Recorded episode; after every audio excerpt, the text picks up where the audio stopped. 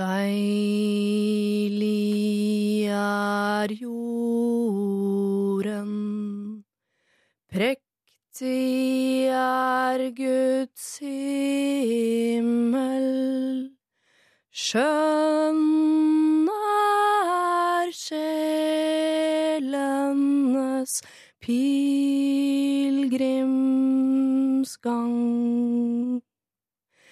Gjennom de fagre riker på jorden går vi til paradis med sang. God jul fra alle oss i Lørdagsrådet til alle dere som laster ned podkasts. Jeg er egentlig syk og hadde ikke tenkt å, synge i dag, eh, men etter tre timer med skravling sammen med Einar og Gunhild og Jonas, så må jeg si at eh, stemmen har varma seg opp såpass at jeg syns det var verdt et eh, forsøk. Nå skal jeg være stille i et døgn. P3. Dette er Lørdagsrådet med Siri Kristiansen. på P3. P3. God morgen! Klokka er snart sju over ni, og vi har allerede rukket å høre The Weekend med uh, The Hills, altså her i Lørdagsrådet. Jeg hadde tenkt til å eh, åpne ballet i dag med å synge Deilig er jorden for dere. Ikke alle tre versene, uh, Gud forby, men første vers av Deilig er jorden skulle jeg synge for deg i dag. Men eh, som dere oppvakte Instagram-venner jeg har, eh, så har dere sikkert fått med dere at eh, sjuka har lagt seg over meg som en klam klut, og er ikke typisk, da! altså, jeg har vært frisk i et år. Jeg har hoppet over all festing denne måneden. Jeg har spart meg til i dag. Jeg skulle på jentejulebord, og jeg har sagt ifra til familien at ikke regn med meg hverken lørdag eller søndag. Finn på noe med ungene. Stikk noe langt vekk herfra, og ikke kom tilbake før rundt middag. Og det skal helst være noe med karbohydrater i. Og så kommer jo jula snikende på. da Jeg senker skuldra, og kroppen min tenker Nå skal jeg trykke på djevelknappen inni kroppen din. Den det står 'sjuka' på, den store røde knappen som ligger nede mellom leveren og milten et eller annet sted. Well, fuck you, body! Har jeg veldig lyst til å si tilbake. Tusen takk for timinga på det. Utrolig irriterende. Men eh, heldigvis kommer Jonas eh, Kinge Bergland i dag. Han er jo komiker og lege, og jeg tenkte å true han på livet med noe rykende varmt te eller et eller annet. Opp mot det pene fjeset hans. Eh, og si 'skaff meg noe på blåresept eh, pronto', eh, sånn at jeg kan gå gjennom dagen og natta og late som om jeg er frisk. Og så får jeg heller ligge i sovepose under juletreet på julaften og tygge svor og be barna åpne alle pakkene, for mor orker ikke. det er min plan for i dag. Lørdagsrådet. På P3. P3. May-Britt Andersen, Stian Staysman og Ronny Brede Aase var her for noen uker siden, og eh, Juliane la sitt hjerte i deres eh, hender. Hun hadde nemlig en eh, slags bestevenn som hun kalte Truls, som hun har vært venn med i tolv år. Det startet med en date, men de ble enige om ganske kjapt at dette her blir ikke noe eh, romance, men vi kan være venner. Og siden det har de vært venner, men det har vært ekstremt turbulent. I eh, selskapelige sammenhenger så er han veldig pågående. Hans kjæreste uh, anklager henne til stadighet uh, med utsagn som 'Hvorfor kan dere ikke bare ligge sammen, da? Det er jo det dere egentlig vil'. Kjæresten hennes derimot er ganske forståelsesfull, men syns det er slitsomt at denne vennen er så utrolig krevende. Han er krevende, han krever å være med på alt. Han blitt sur hvis han er sammen med andre venner. Lurer på eh, hvis, uh, hvorfor får ikke jeg være med på alt du gjør? Hvorfor skriver du på Facebook-veggen til andre venner, og så skriver du ikke på min? Altså, Dere skjønner uh, typen. Det er noe slitsomt. Du skal få høre noen av rådene May-Britt Staysman og Ronny Brede ga her for noen uker siden. P3. Han har lyst på ho, Ja. og det har han alltid hatt. Og han kommer alltid til å ha følelser for henne. Jeg syns at hun burde ta en pause ja, fra det vennskapet. Ja, For at jeg tror at hun gjør han en, en, faktisk en veldig stor tjeneste med å si at jeg tror vi holder, eh, holder dette her i ro en stund. Og så vil hun også, da vil han få sjanse kanskje til å få det bedre med kona si. Mhm. Og da hvis han får det bedre med kona si, så kanskje han også blir så raus at han ikke blir så sjalu på henne hvis, hvis de blir venner igjen, da. Kanskje det burde ta ti års pause. Ja. Det eneste positive hun sier, er bestevenn, men det står i alt anførselstegn. Truls fortjener en konfrontasjon før man eventuelt avbryter det hele. er det, er det faktisk sånn som jeg mistenker at det er? Hvorfor behandler du både meg og kona di sånn? Eh, og så får han muligheten til å svare på det, eventuelt gå i seg sjøl, fatte at han er eh, tidvis idiot, eh, og så kan han da velge om han vil prøve å bli et bedre menneske i deres vennskap. Dette er Lørdagsrådet på P3. P3 Juliane har skrevet inn og sier tusen takk for gode tips angående vennskapet mellom meg og Truls. Det har oppstått flere konflikter mellom oss, og det fikk meg til å konfrontere han ordentlig. Jeg fortalte at jeg virkelig ikke orker eller tolererer denne oppførselen fra dem begge, og at om det fortsatt skal være sånn, ja, så har vi det bedre uten hverandre. Han har blitt eh, stum og virkelig gått inn i seg selv og tenkt. Han har eh, for hundrede gang lovet at det ikke skal skje igjen. Han sier at han har vært dum og skylder på at han har liten selvtillit, og at det da går utover meg, og at kona og jeg er de viktigste i livet hans. Han sier han ikke klarer å leve uten meg, og at han er lei seg. Det har så klart vært noen koselige ting i vennskapet eh, gjennom de ti årene vi har vært venner, og vi har funnet på mye morsomt sammen, men en sånn oppførsel veier over det gode. Min mann er som dere skrev eh, ganske raus. Han er ikke han sjalu typen og kommer greit overens med Truls, men han misliker jo selvfølgelig hvordan han oppfører seg mot meg, særlig på fest, hvor han kan bli en smule innpåsliten. Truls og jeg passer rett og slett ikke sammen, altså. Jeg takker igjen for råd og håper han selv også ser dette problemet nå. Hilsen Juliane. Jeg er litt usikker her, Juliane, på om det faktisk har eh, foregått et slags eh, brudd eller ikke. Det virker i hvert fall som du har sendt Truls godt inn i tenkeboksen. Men som du sier også, han har eh, lovet at han ikke skal oppføre seg dårlig igjen. Men han har lovet det for hundrede gang. Og hva sier vi om folk som lover ting for hundrede gang? Jeg tror ikke på deg. Det er i hvert fall det jeg pleier å si når folk lover meg noe for hundrende gang. Det er ikke noe magisk ved tallet 100. Det er ikke sånn at man kan holde på som man vil til gang nummer 99, men på 100, ja, da skal det virkelig skje. Juliane, eh, jeg skulle ønske jeg så mer av det varme og fine mellom deg og Truls, men det sliter jeg fortsatt litt med, og jeg er enig med deg at jeg håper han også nå ser problemet og holder seg litt grann unna. God jul! Dette er P3 God jul, Einar Tørnquist. God jul, Siri. God jul, Gunhild Dahlberg. God jul. God jul, Jonas Inge Bergland. God jul. Ah, God jul til. og god jul, Jesusbarnet Erlend, som er med oss også i dag. Eh, eh, Jonas, du er den eneste som har pynta deg, i tillegg til meg selv. Ja, du Ja. sa at vi skulle pynte oss. Eller Ja. du sa at du skulle pynte deg. Ja. Med et slags hint om at det kunne man gjøre. Ja. Så da tenkte jeg For jeg kjøpte meg en ny dress i går. Er den så ny? Ja, ja. Så da tenkte jeg da kjøper jeg da kjø, Ikke kjøper, da, da kjører jeg dress i dag. Jeg elsker at du har valgt dress med eh, vest. Det er Ja. altså Noe av det mest sexy jeg ser på en mann, er når de kaster jakka og de bare har dressbukse og vest. Ja, det funker, Har du gått i det siden du kjøpte det? Bare betalte, gikk ut døra, sovetiden, så opp. Jeg betaler den på, jeg. Ja, selvfølgelig. Altså, jeg er jo ikke helt tatt bak en vogn. Så ligger en gammel olabukse i en dressbutikk et eller annet sted. Ja, eller langs veien Ja. ut, utenfor butikken der. Det bildet elsker jeg. Eier du det helt tatt en dress, Einar Tørnquist? Om jeg eier en dress, ja. Det skal Ja. jeg love deg. Jeg fikk en gratis i fjor da jeg leda Gullfisken. Er det sant? Er du en Moods of Norway-type, eller? Du, jeg tror jeg er basert på den dressen jeg har. Nei, jeg er ikke en Muse Norway-type.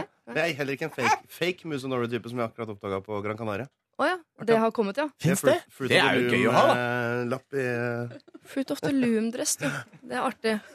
Oi, oi, oi.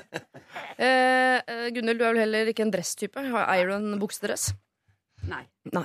Det setter jeg veldig pris på, egentlig. Eh, tusen takk for at du tok deg tid til å komme i dag. Det er veldig veldig nærme jul. Har dere egentlig tid til å være her? Helt ærlig. Ja, selvfølgelig. Det er ikke noe problem, det. Dere er helt i tror vi driver med på vi har masse greier å gjøre nå? Jeg kommer jo for å være sosial. Ja. Altså, det her er jo min uh, måte hvor jeg kan møte folk. Prate med likesinnede voksne. Ja, for du er i mammaperm. Yes. Ja, og. Erlend har begynt å skravle litt, han. Yes. Yes. Det er koselig, det. Etterpå skal Gunhild amme. Ja, får vi Jeg hadde skjønt det at det- det, Jeg kommer til å være på Einar sin Snapchat. Hva er det du heter på Snap igjen? Eh, Einar Tornquist. Ja, så bare følg, Da blir det amme, live amming minutt for minutt. Ja, det er veldig NRK-sk. Jeg elsker det. Eh, Det er at eh, småbarnsmødre sier at eh, han har begynt å skravle litt. Han Ja. skravler ikke, han lager lyder. Det er jo ikke noe, det er ikke noe ord der. Det er veldig, men i hans hode er det sikkert det. Altså, men Han tenker jo ingenting. Han er jo omtrent like smart som en flaggermus akkurat nå. Fy faen, for en. Du skal ikke kimse av flaggermus, da. Nei, altså, De kan jo det der greiene med lyder og ekko og sånne ting. Men eh, det er jo ikke akkurat noe sånn gjennomtenkt prosjekt. Å, jeg fant en eh, flaggermusbaby på gata i Milano en gang. Ja. Hun var lite søt. Mm, gjorde du det? Ja, jeg kunne holde den sånn i hånda. Lå den opp ned sånn oppi der. Drepte du den? Nei, jeg la den tilbake på gata og håpa at det skulle gå bra. det gjør det helt Jeg kontaktet ikke italiensk veterinær. Det gjorde jeg ikke. Nei. Det gjør jeg ikke, Men jeg tråkket heller ikke på den. Dere Har dere kjøpt noen gaver til dere sjøl i år, eller? Ja. Hva da? Liten håndholdt vifte. Eh, hvorfor? Jeg skal på ferie i, i, i jula. Hvor da? Eh, til Thailand. Med Svigerfamilien. er, Dere har kommet dit, ja. Ja. Ja. Det er sånn, du skal eh, feire det blir- julaften også. Det blir eh, Nei, jeg skal ikke, de er allerede der. Ja. Jeg kommer ned siste uka Skjønner. for å Nei, bruke den lille, lille vifta mi. Ja. Mm. Eh, hvilken farge? På vifta? Ja. Jeg veit ikke. Du vet ikke hvilken farge du har kjøpt? Nei. Hvorfor ikke? Fordi jeg ikke fulgte med på hvilken farge det var på den da jeg kjøpte den. Jeg så bare, Der er det en liten vifte. Og så er jeg fargeblind, da. Ja. Det er jo også et Eller element. fargeblind? Det er Bare rød og grønn, eller? bare rød og grønn. Ja. Det er jo ta en anomali. Men vil du si at det var rødt og grønt? Hva ser det ut som? Er det, eller, For meg ser det, det ser jo veldig rødt og grønt ut for meg, men det vil jo antageligvis skille seg litt fra hvordan du ser eh, rødt og grønt. ja, ja. Hvilken valgfag Skjønner ga jeg, Siri? Ja, Men hva skal jeg si da, da? Hvis ikke det svaret er godt nok?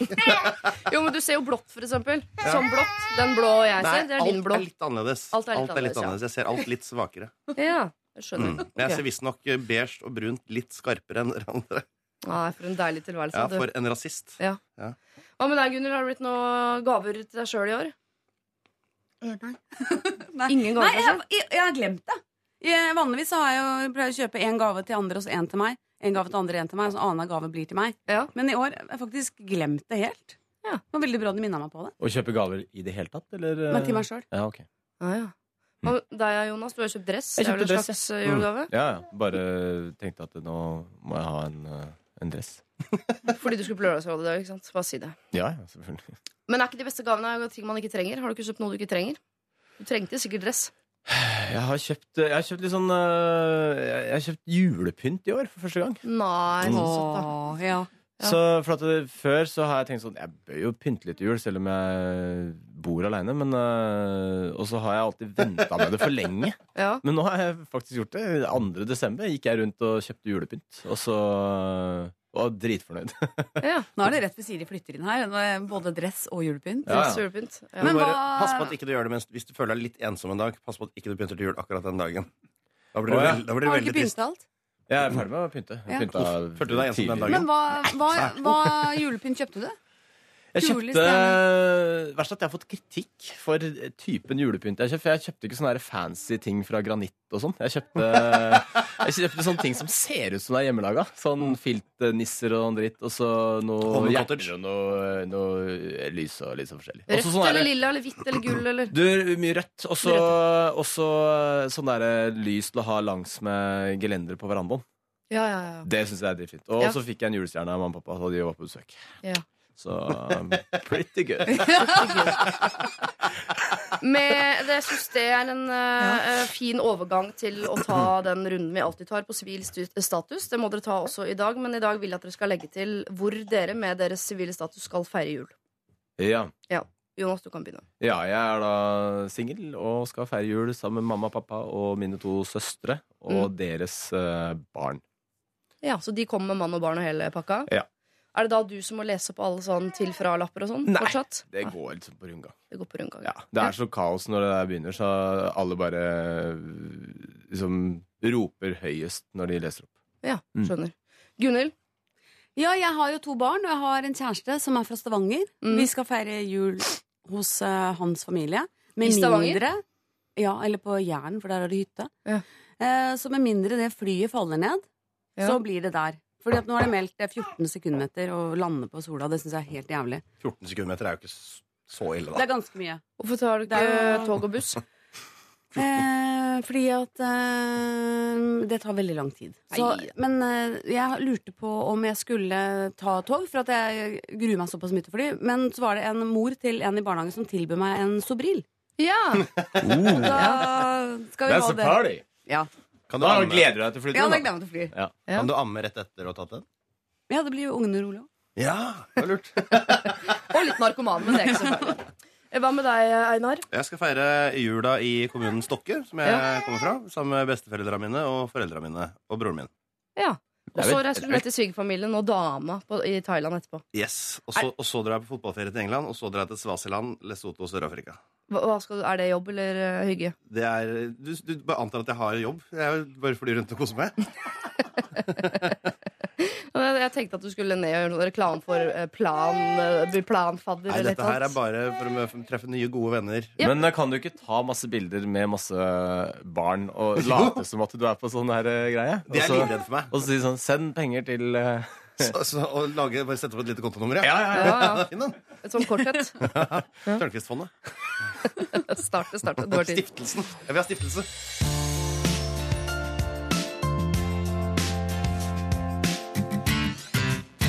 Kjære Lørdagsrådet. Jeg er en kvinne på 30 år som holder på med en fyr som er 10-12 eh, år eldre enn meg. Første kveld møttes vi på byen og dro til felles kjente på nachspiel. Det var full klining i offentlige rom, noe jeg egentlig syns er flaut, eh, men det var hyggelig stemning. Vi gikk hånd i hånd hjem til han i midnattssola og hadde herlig sex. Dagen etter dro jeg tilbake, vi hadde sex fire runder til, før han fortalte at han er i et forhold. Jeg ble først ganske sjokkert, og vi har hatt mange samtaler om at han må stå inne for valget sitt om å være i det forholdet. Hun bor på Østlandet, og han bor nord, og de planlegger å- på sikt å skulle flytte sammen. Allikevel ender jeg eh, og denne fyren opp med å ha helt fantastisk og intens sex opptil flere ganger i uka. Når han har vært på besøk hos dama si, er jeg den første han kontakter på vei hjem etter litt sexting, og vi havner i senga igjen. Dama og han har ikke så mye fokus på sex, så alle fantasiene sine de lever han ut med meg. Nå har jeg fått vite hvem hun er, og jeg har mye dårlig samvittighet og mener at denne fyren ikke bør få slippe unna med sånn oppførsel. Bør jeg sende henne en melding og fortelle henne at jeg ligger med kjæresten hennes? Med vennlig hilsen Henriette. Skal hun eh, ta kontakt med kjæresten til eh, flørten sin og si at hun ligger med han? Nei. Intenst og heftig Han- hver gang hele tiden. Det er vel hans skyld, dette her. Er det, er han som oppfører seg Ja, veldig, det veldig tvilsomt her? Han øh, Ja. Men hvis han kommer jo ikke til å gjøre det, da. Tydeligvis. Nei, hun burde i hvert fall ikke kontakte Det henne. virker jo bare som en veldig dårlig fyr. da Må bare droppe hele karen, selv om eh, sexen er bra. Må bare komme seg unna både han og hun dama, så Hun dama er jo Nei, hun andre. Hun på Østlandet. Ja. Ja. Han må ikke si fra til henne, i hvert fall. Det- Hvorfor ikke? For det syns jeg Det er ikke hennes sak. Hun må, få- hun må få han til å fortelle det i så fall. Så må, hun må slå opp med han der som er så god i senga. Det er flere som er gode i senga, ikke bare han. Er det så mange som er så gode i senga? jeg. Jeg kjenner ingen, jeg. I Nord-Norge. Ja. Jeg har ikke vært borti så mange sjøl. Jo, men, men er det noen som mener at uh, hun kan si fra, da? Tenker jeg, må jeg tenke på, altså. Det, Altså, hvorfor eh, Hva skulle Hva skulle det være godt for, holdt jeg på å si?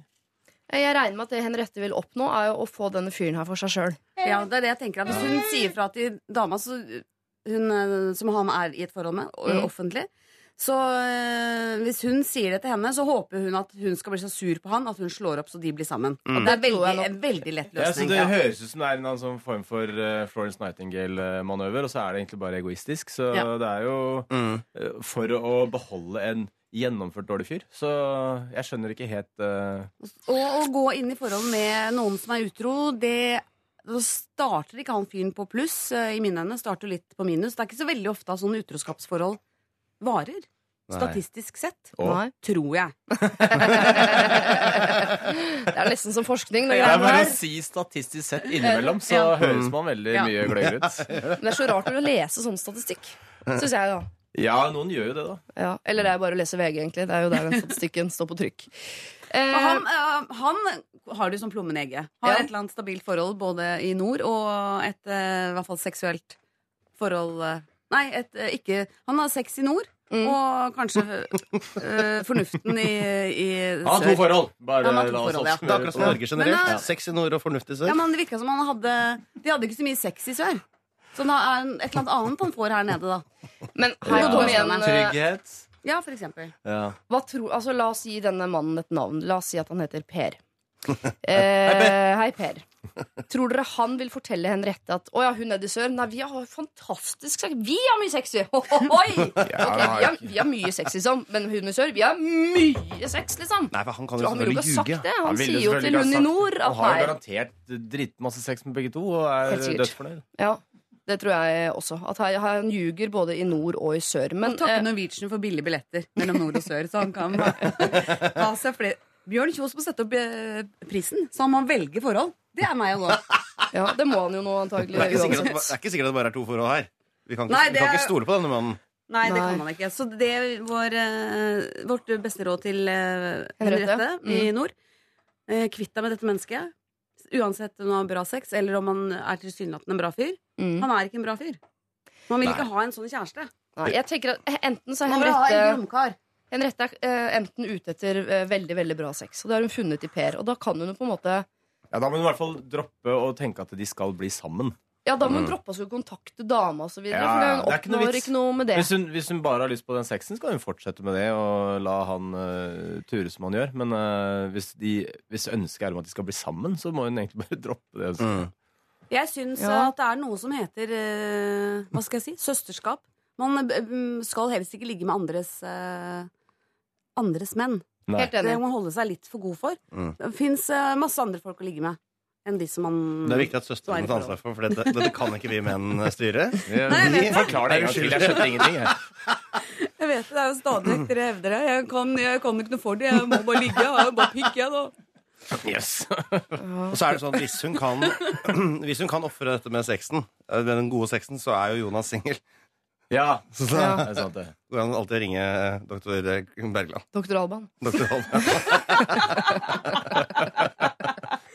Men dere, eh, jeg er helt enig at Henriette eh, bør jo egentlig sånn moralsk sett så bør hun kutte ut hele denne fyren. Eh, for selv om det er hans, han som er slemmest osv., så, videre, så er hun med på å liksom, eh, skape noe som ikke er helt bra. Det sitter jo en i sør som han potensielt er kjempe, kjempelei seg, og blir det i hvert fall hvis hun ringer ned til denne kvinnen i sør. Men hvis hun er ute etter noe, hvis hun har falt pladask for en fyr uh, som har dame, så tenker jeg at da er det én vei å gå, og det er å uh, tvinge han til å ta opp dette her med sin dame. For jeg tror ikke han altså, Selv om hun skaper uh, splid mellom de to ved å ringe og si sånn Hei, Henriette er fra Tromsø eller et eller annet annet sted oppe i nord. Uh, jeg driver og ligger med typen din ganske ofte, faktisk. Um, så blir det jo slutt mellom de to, men jeg vet ikke om Per kom hjem til Nord og sånn Jævlig bra manøver, det greiene der. Sjukt bra. Du er Nei, Hvis du skal gjøre det, så må det være i så fall bare for å advare henne om at du blir lurt. Men Ja, det er er veldig ikke- søsteraktig. Ja, det er det søstergreiene. Det var det det var. Det kan hende at han, eh, vår venn her, Per, eh, har eh, sier Er han vår venn? Nei, vår, venn Per. Ja. At Vår han, fiende Per. Vår at han Per. sier at uh, han har egentlig en uh, dame hans er i nord, men han, at elskerinnen hans i sør. Man vet jo ikke hva han Nei. Hva slags sannheter han Til alle presenterer til dere lyttere i. Rogaland. Kjenner dere en gærning som heter Per? Dere er trygge for now. Uh, ja, jeg syns dette er vanskelig, Fordi hun kan jo be Per om å ordne opp i dette selv, men han kan jo fortelle at han har ordna opp i det. Og så har han ikke gjort det. Så det beste Henriette kan gjøre Dessverre, livets skole er Følg etter han. Alltid. Nei, jeg skulle ha et, et annet råd, oh, ja, okay. og det er å, å ta vare på seg sjøl. Det er det eneste som funker i denne situasjonen. Og det, han, fyren kommer ikke til å ta vare på henne, og hun må bare gjøre det sjøl. Komme seg vekk fra Mr. Per. Ja, Finne et annet menneske. ja, Mm. ja, Jeg støtter Gunhild på den, jeg. ja. Ja, Jeg er enig i det. altså uh, Kjære Henriette, dessverre øh, Men du vet jo sikkert egentlig selv at Per det er ikke mannen i ditt uh, liv. Det er ikke han du skal være sammen med. Uh, og det er fint hvis du kan være litt søsteraktig, og det ligger noe søsteraktig i å skulle ringe og advare, men jeg syns faktisk det ligger noe enda mer søsteraktig i å tvinge Per til å ta opp dette her med eh, sin kjæreste. Jeg tror hun heller vil høre det fra han enn å skulle høre det fra deg, en eller annen som ringer fra Nord-Norge og forteller denne grusomme eh, nyheten. Så snakk litt med Per innimellom slaga, og se om du kan få noe fornuftig ut av han, som han kan ta med seg sørover neste gang. James Bay synger det så smart. Let it go, uh, synger han. Og vi kan jo bare uh, håpe og tro at den var dedikert til Henriette, den låta der. Det kan jo hende. Hva vet vi? Vi er i dag eh, Gunhild Dahlberg, Einar Tørnquist og Jonas Synge Bergland. Uh, og vi skal videre fra Henriette til en som heter Sara. Som akkurat har flyttet inn i drømmeleiligheten sin. Den er stor og billig, og jeg leier den fra en ungarsk dame. La oss si at hun heter Helga, da. Helga snakker ikke hverken norsk eller engelsk, så når vi møtes, så har hun med seg en tolk. Hun heter Julia. Det var haugevis av bøker her da jeg flyttet inn, alle på ungarsk, så jeg kunne ikke lese dem. De tok opp mye plass, og jeg spurte Helga da gjennom tolken Julia om jeg kunne gi bort bøkene, eller om Helga ville hente dem. Helga sa gjennom Julia at jeg bare måtte kaste dem.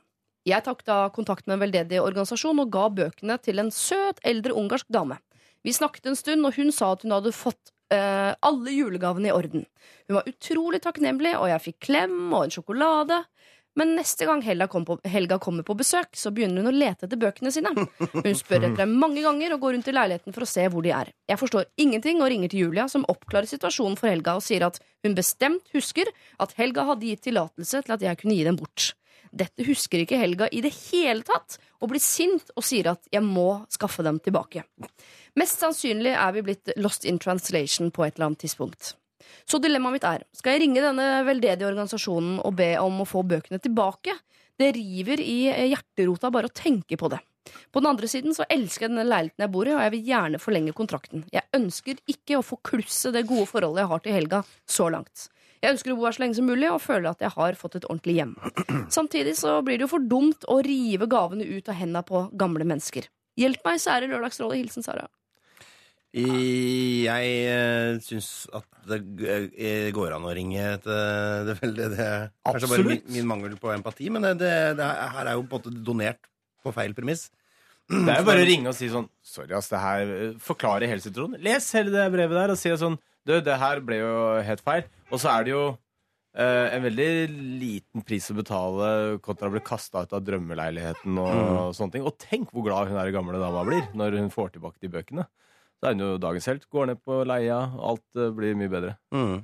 Og det er jo ikke så vanskelig å få tak i noen gamle eh, bøker, er det? Ja, jeg skjønner ikke at de, de på som ungarsk? De kan umulig være utsolgt hvis det, det for eksempel var Frelsesarmeen. Ja, men I Ungarn er det veldig populære. Ja, det er vel det at hun har, dette er noe hun har tatt med seg fra hjemlandet sitt, Ungarn. Jo, men Hvis hun har gitt det til en veldedig organisasjon i Norge Ja. Det er vel ikke så de, Sånne ungarske gamle bøker blir vel ikke revet vekk fra hun har jo allerede De har kommet i hendene på en annen eldre ungarsk kvinne. Så jeg er så sånn var glad for at nå hadde hun Ja. alle julegavene i året. Kan ikke nå. Det er 19. desember, folkens. Skal ringe si sånn. Ja, ja, synd. Nå må du ut og kjøpe alle gavene på nytt. Det er bare å pakke opp og sende jule- Hvem er det tilbake. som vil ha gamle ungarske bøker, da? Er si redder jo en hel familie fra å få masse døve julegaver. Bare 'Å, tusen takk, bestemor'. En gammel ungarsk bok. Og den ungarske Ingrid Espelid Håviks uh, beigerutete kokebok. Å, takk. Men den her ungarske tolken har eh, sier bare nei. Vi, jeg husker bestemt at dette skjedde. Ja. Så hun har ikke, føler ikke hun har noe skyld oppi det hele. Nei, Det er jeg usikker på eh, det juridiske, hvor mye ansvar man kan legge på tolken. For hvis dette her har, eh, er lost in translation, da, så mener jeg at dette må ligge på tolken. Ja, og da selvfølgelig, men, det eh, tolken kan, hvis tolken, tolken kan, kan ringe. ungarsk Ja. Tolken kan ringe. Tolken kan kjøpe billigbilletter med f.eks. Norwegian eller hva det var. Ryanair. Nei, Eh, ned til Ungarn. Kjøpe- Ryanair. Ikke Ryanair. Dra til Ungarn og hente bøkene. Ja. Nei, men alle, alle ungarerne er i Norge, det mener jeg ikke. eh, det mener jeg ikke. Men i dette problemet er alle involverte ungarere i, i Norge. Ja. Ja. Mm. Og eh, hva med å ta en liten førjulstur til Ungarn og dra på ungarske Fretex og Mm. kjøpe masse brukte bøker og gi tilbake til Helga? For hun har sikkert lest de bøkene som hun har satt i den Ja, hvis hun har vært Ja. i leiligheten og leita etter dem, bare for å sett sånn over av hvor er bøkene mine, så veit hun sikkert hva slags bøker det er. Tror du ikke? Nei, hvis, ikke hvis hun er litt eldre og hadde veldig masse bøker. Ja, for da kan du bare si sånn hva, Hadde jeg ikke egentlig eh, Moby Dick i ungarsk versjon der? Bare sånn, nei, nei, du hadde ikke det. Du hadde den uh, nye Beatles på ungarsk. Ja. Så dra med til uh, Ungarn. Kjøp, dra på ungarske Fretex. Kjøp uh, så mange bøker som det var. Mm. Dra tilbake. Så kjøper du bare noen ungarske klassikere, noe verdenslitteratur. Så sier du dette her er samlingen. Ja. Ja, okay, hvis du Eh, det- allerede skal til Ungarn og kjøpe masse gamle bøker, så kan du vel ta tilbake de opprinnelige bøkene fra Var det Helga hun het? Mm. Og Eh, så, og så dra til Ungarn og kjøpe masse bøker, og så gi julegaver til den der familien Og så husk å kjøpe noe billig krystall og sånn. For det er, Ja, det er masse av det. Så- Eller skinn av gull. Du kan dra videre til Tyrkia og kjøpe litt skinn av gull også. og så har alle julegavene på plass.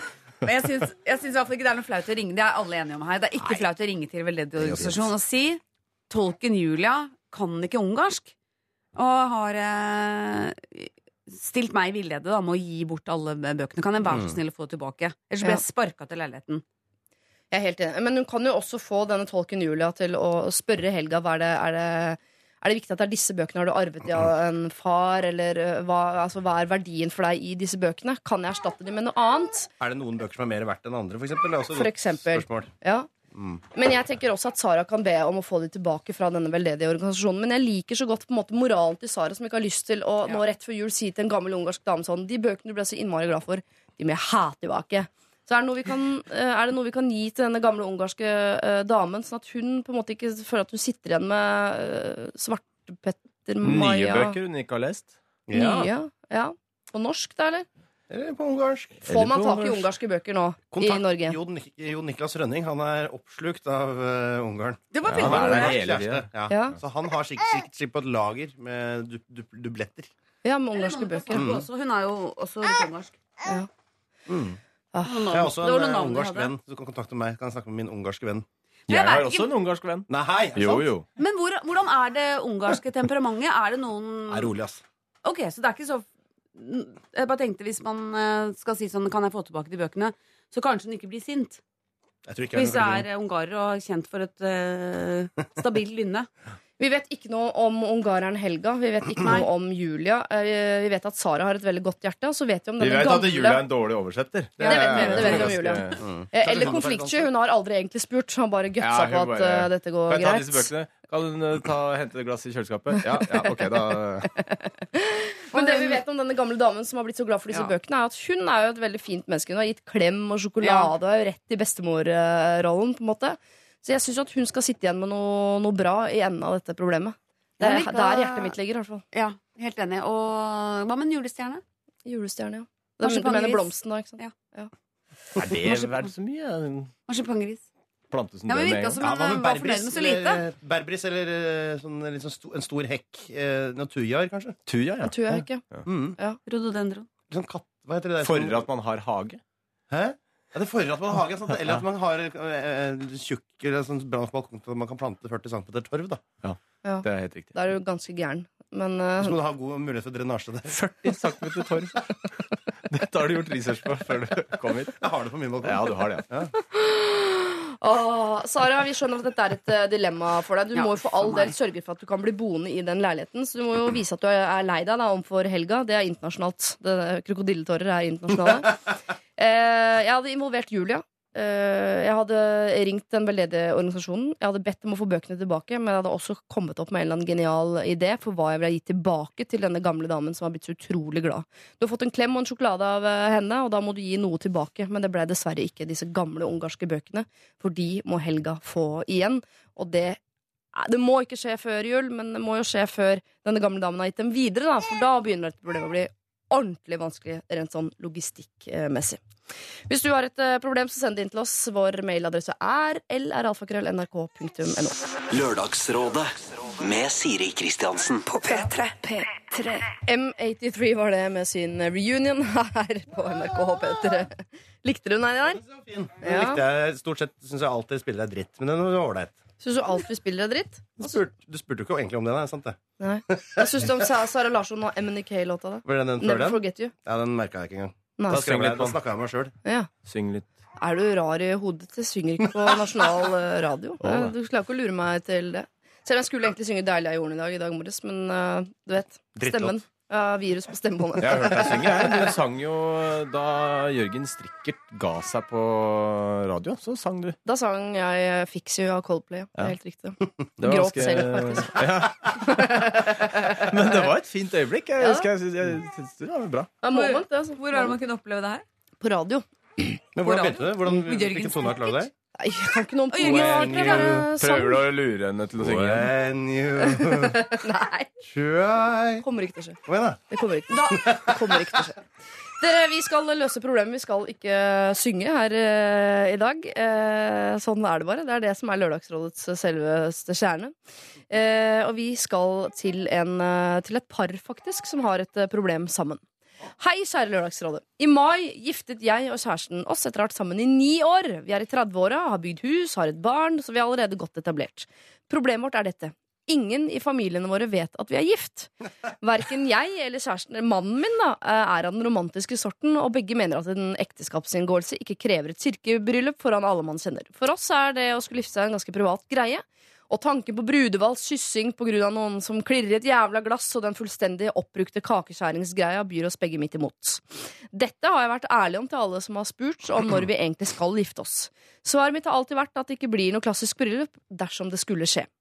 Vår vielse fant sted på ambassaden i Paris, kun med oss, barnet og fotograf til stede. Vi skulle fortelle til foreldrene våre da vi kom hjem, men så var alle bortreist en etter en, og ja, plutselig så var det liksom blitt høst. Og nå har det jo gått syv måneder siden vi giftet oss, og vi har fått trykt opp takkekort med bilder og tekst. På ønskelistene eh, ingen sure miner. Tanken er å legge disse under juletreet til familien vår og la det stå til. Er dette feil måte å informere slekta på? Vi skal feire sammen med svigers. Jeg kan også legge til at både jeg og mannen hater kleine samtaler, selv om ingen av oss er direkte konfliktsky. Det å skulle fortelle folk om graviditeten for eksempel, var helt forferdelig. Jeg vil bare være gift, jeg. Bytte etternavn og ring på fingeren. Hvordan får man til det uten at det blir en stor greie? Hilsen konemor i skjul. Det er kjempegøy. Dette er veldig bra. Jeg, eh, Terningkast seks. Ja. Ja. Det er alt. det, det her er egentlig Neste ikke noe problem. Men jeg, jeg tenker sånn, det der med kortene og sånn, det bygger opp til klein stemning, da. Ja. Så jeg synes eh, De virker jo litt som, litt som kule folk, det her, så jeg syns de kunne gjøre det på en litt morsommere Akkurat når de kommer inn i gangen når de er på besøk hos svigersen, sånn alle er sånn kaos og tar av seg jakker og sånn, så bare sånn herre Ja, Gry Holland, du, forresten, vi gifta oss eh, i eh, utlandet for sju måneder siden. Og så er det sånn at vi kan ta av oss eh, og sette der inne, og så at det bare er en bisetning. Og så sier de sånn Ja, hyggelig, men hva, hva er det du sa for noe? Og du skal bruke Doffen har daua-taktikken. Ja, den derre bare digresjon, ja. Ja. Mm. Men ikke som at det skal snikes Er inn og lage Men- lav konflikt. Jeg bare syns det er gøyere måte å si det på. Men nå har de jo allerede lagd eh, kort, og der har de sikkert brudebildet sitt eh, på. Ja, men det, Ja. det, Kortene kan du ta etterpå også. Du kan da er gjøre det to ganger. Jo, det er det Nei, vel. er For, sånn, forresten så har vi kort også. Ja. Så er jo det enda Jeg syns det er bra, altså. Ja, ja. ja, Det er du som er komiker, ikke jeg. Ja, det er jeg ikke sikker på. Og lege. Ja, ja, det er jeg sikker på. Men eh, jeg syns det er morsommere å bare si det enn Jeg syns det er utrolig gøy å gi et takkekort med bilde av de to i brudekjole og eh, Begge i brudekjole har vært helt konge. ja, det er kjempegøy. Og hvor det står på ønskelista 'ingen sure viner'. Ja. Jeg syns det er Det er kjempegøy. helt, helt perfekt scenario. Jeg kunne ikke ha regissert det bedre sjøl. Eller Stein Winge eller noen kunne lagd dette bedre. Stein Winge kunne gjort det bedre. Han er et geni. Bentheim Bårdsen, da. Ok, ja. Nei, dette synes jeg var terningkast seks. Men jeg er usikker på, og det vil jeg lufte med dere, på timingen. Skal man gjøre det på julaften når man selv er til stede? Da eh, surrer man seg jo selv inn i denne kleine greia som de ikke liker. Ja, For de kommer til å havne i samtaler som de syns kan virke litt uh, kjedelige, da. Ja. Men uh, Da må du kanskje de må bare jo ha forberede den noen samtalen fraser. uansett. De må jo synes det er veldig gøy å overraske familien, Ja. eller ta fra de denne store festen. Det Ja. tror jeg dette paret gosser seg litt over. Så der må de bare være forberedt på å ha noen unnskyldninger klare på hvorfor de har gjort det som de ville. Hvis det, noen begynner å grine eller furte fordi Hvorfor fikk ikke vi være med, eller Vi hadde gleda oss til festen, eller Ja, Det må man være forberedt på. Ja. Det regner jeg med at de er også, når de gjør det på den måten her. Men det er to hensyn å ta her. Hvem tror du det blir verst for, Einar? De eh, som er til stede sammen med brudeparet når de får kortet, eller de som er en annen kant av landet og får det samme kortet? Omtrent samtidig. Eh, ja, for de kommer til å sitte igjen som spørsmålstegn, de som ikke er der og får det forklart Ja. Så det kommer jo sikkert masse SMS-er og telefoner og sånn i løpet av kvelden. Det Ja, er det blir jo en veldig masete kveld. seg på. Ja. Men, eh, men det er jo gøy, det òg. Det er jo kjempegøy. Jeg alt dette her er bare Jeg ser ingenting som er eh, liksom eh, Men ja, ta det som et eksperiment. da Sett dere inn i hodene til foreldre her som har gledet seg. Altså fedrene. eh, han som har gledet seg til å følge sin datter opp kirkegulvet. Hun som har gledet seg til altså, mor Ja, men her. det at folk har gleda seg til ting, betyr ikke at det er noen menneskerett for dem å oppleve de tingene hvis de ikke har lyst til å ha det.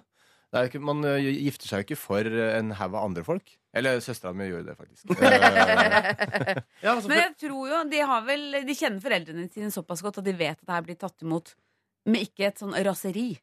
Og de, at de kommer til å synes det er litt gøy. mm. Ja. Jeg tenker at De kommer jo fra et sted, dette brudeparet også, sine familier, som syns dette her er litt gøy.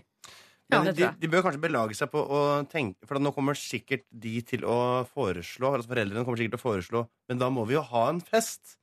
Så de bør kanskje legge en strategi for hvordan de skal håndtere akkurat det.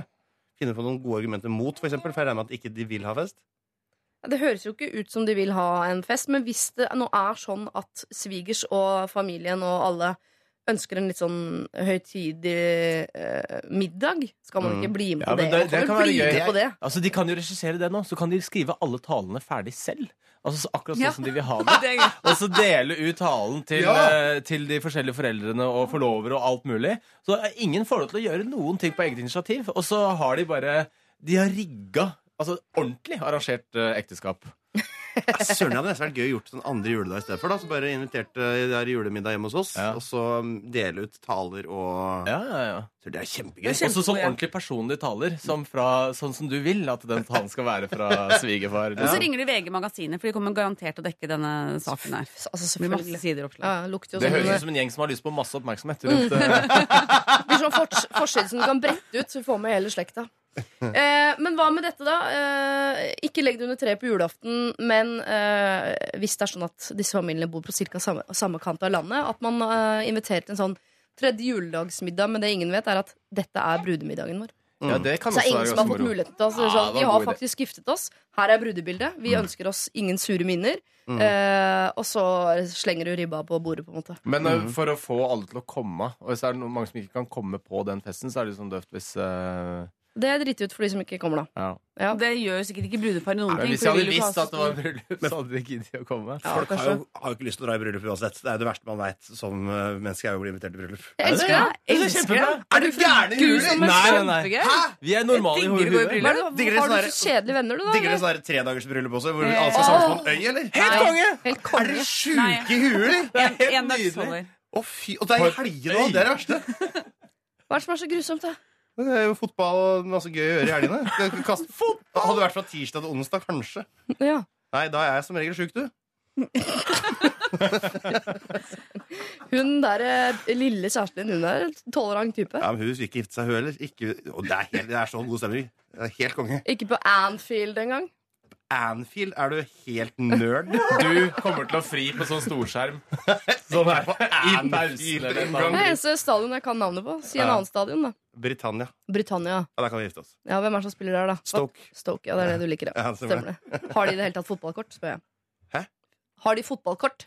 Men det er fotballkort. Ja, det er, det sier noe om størrelsen på laget.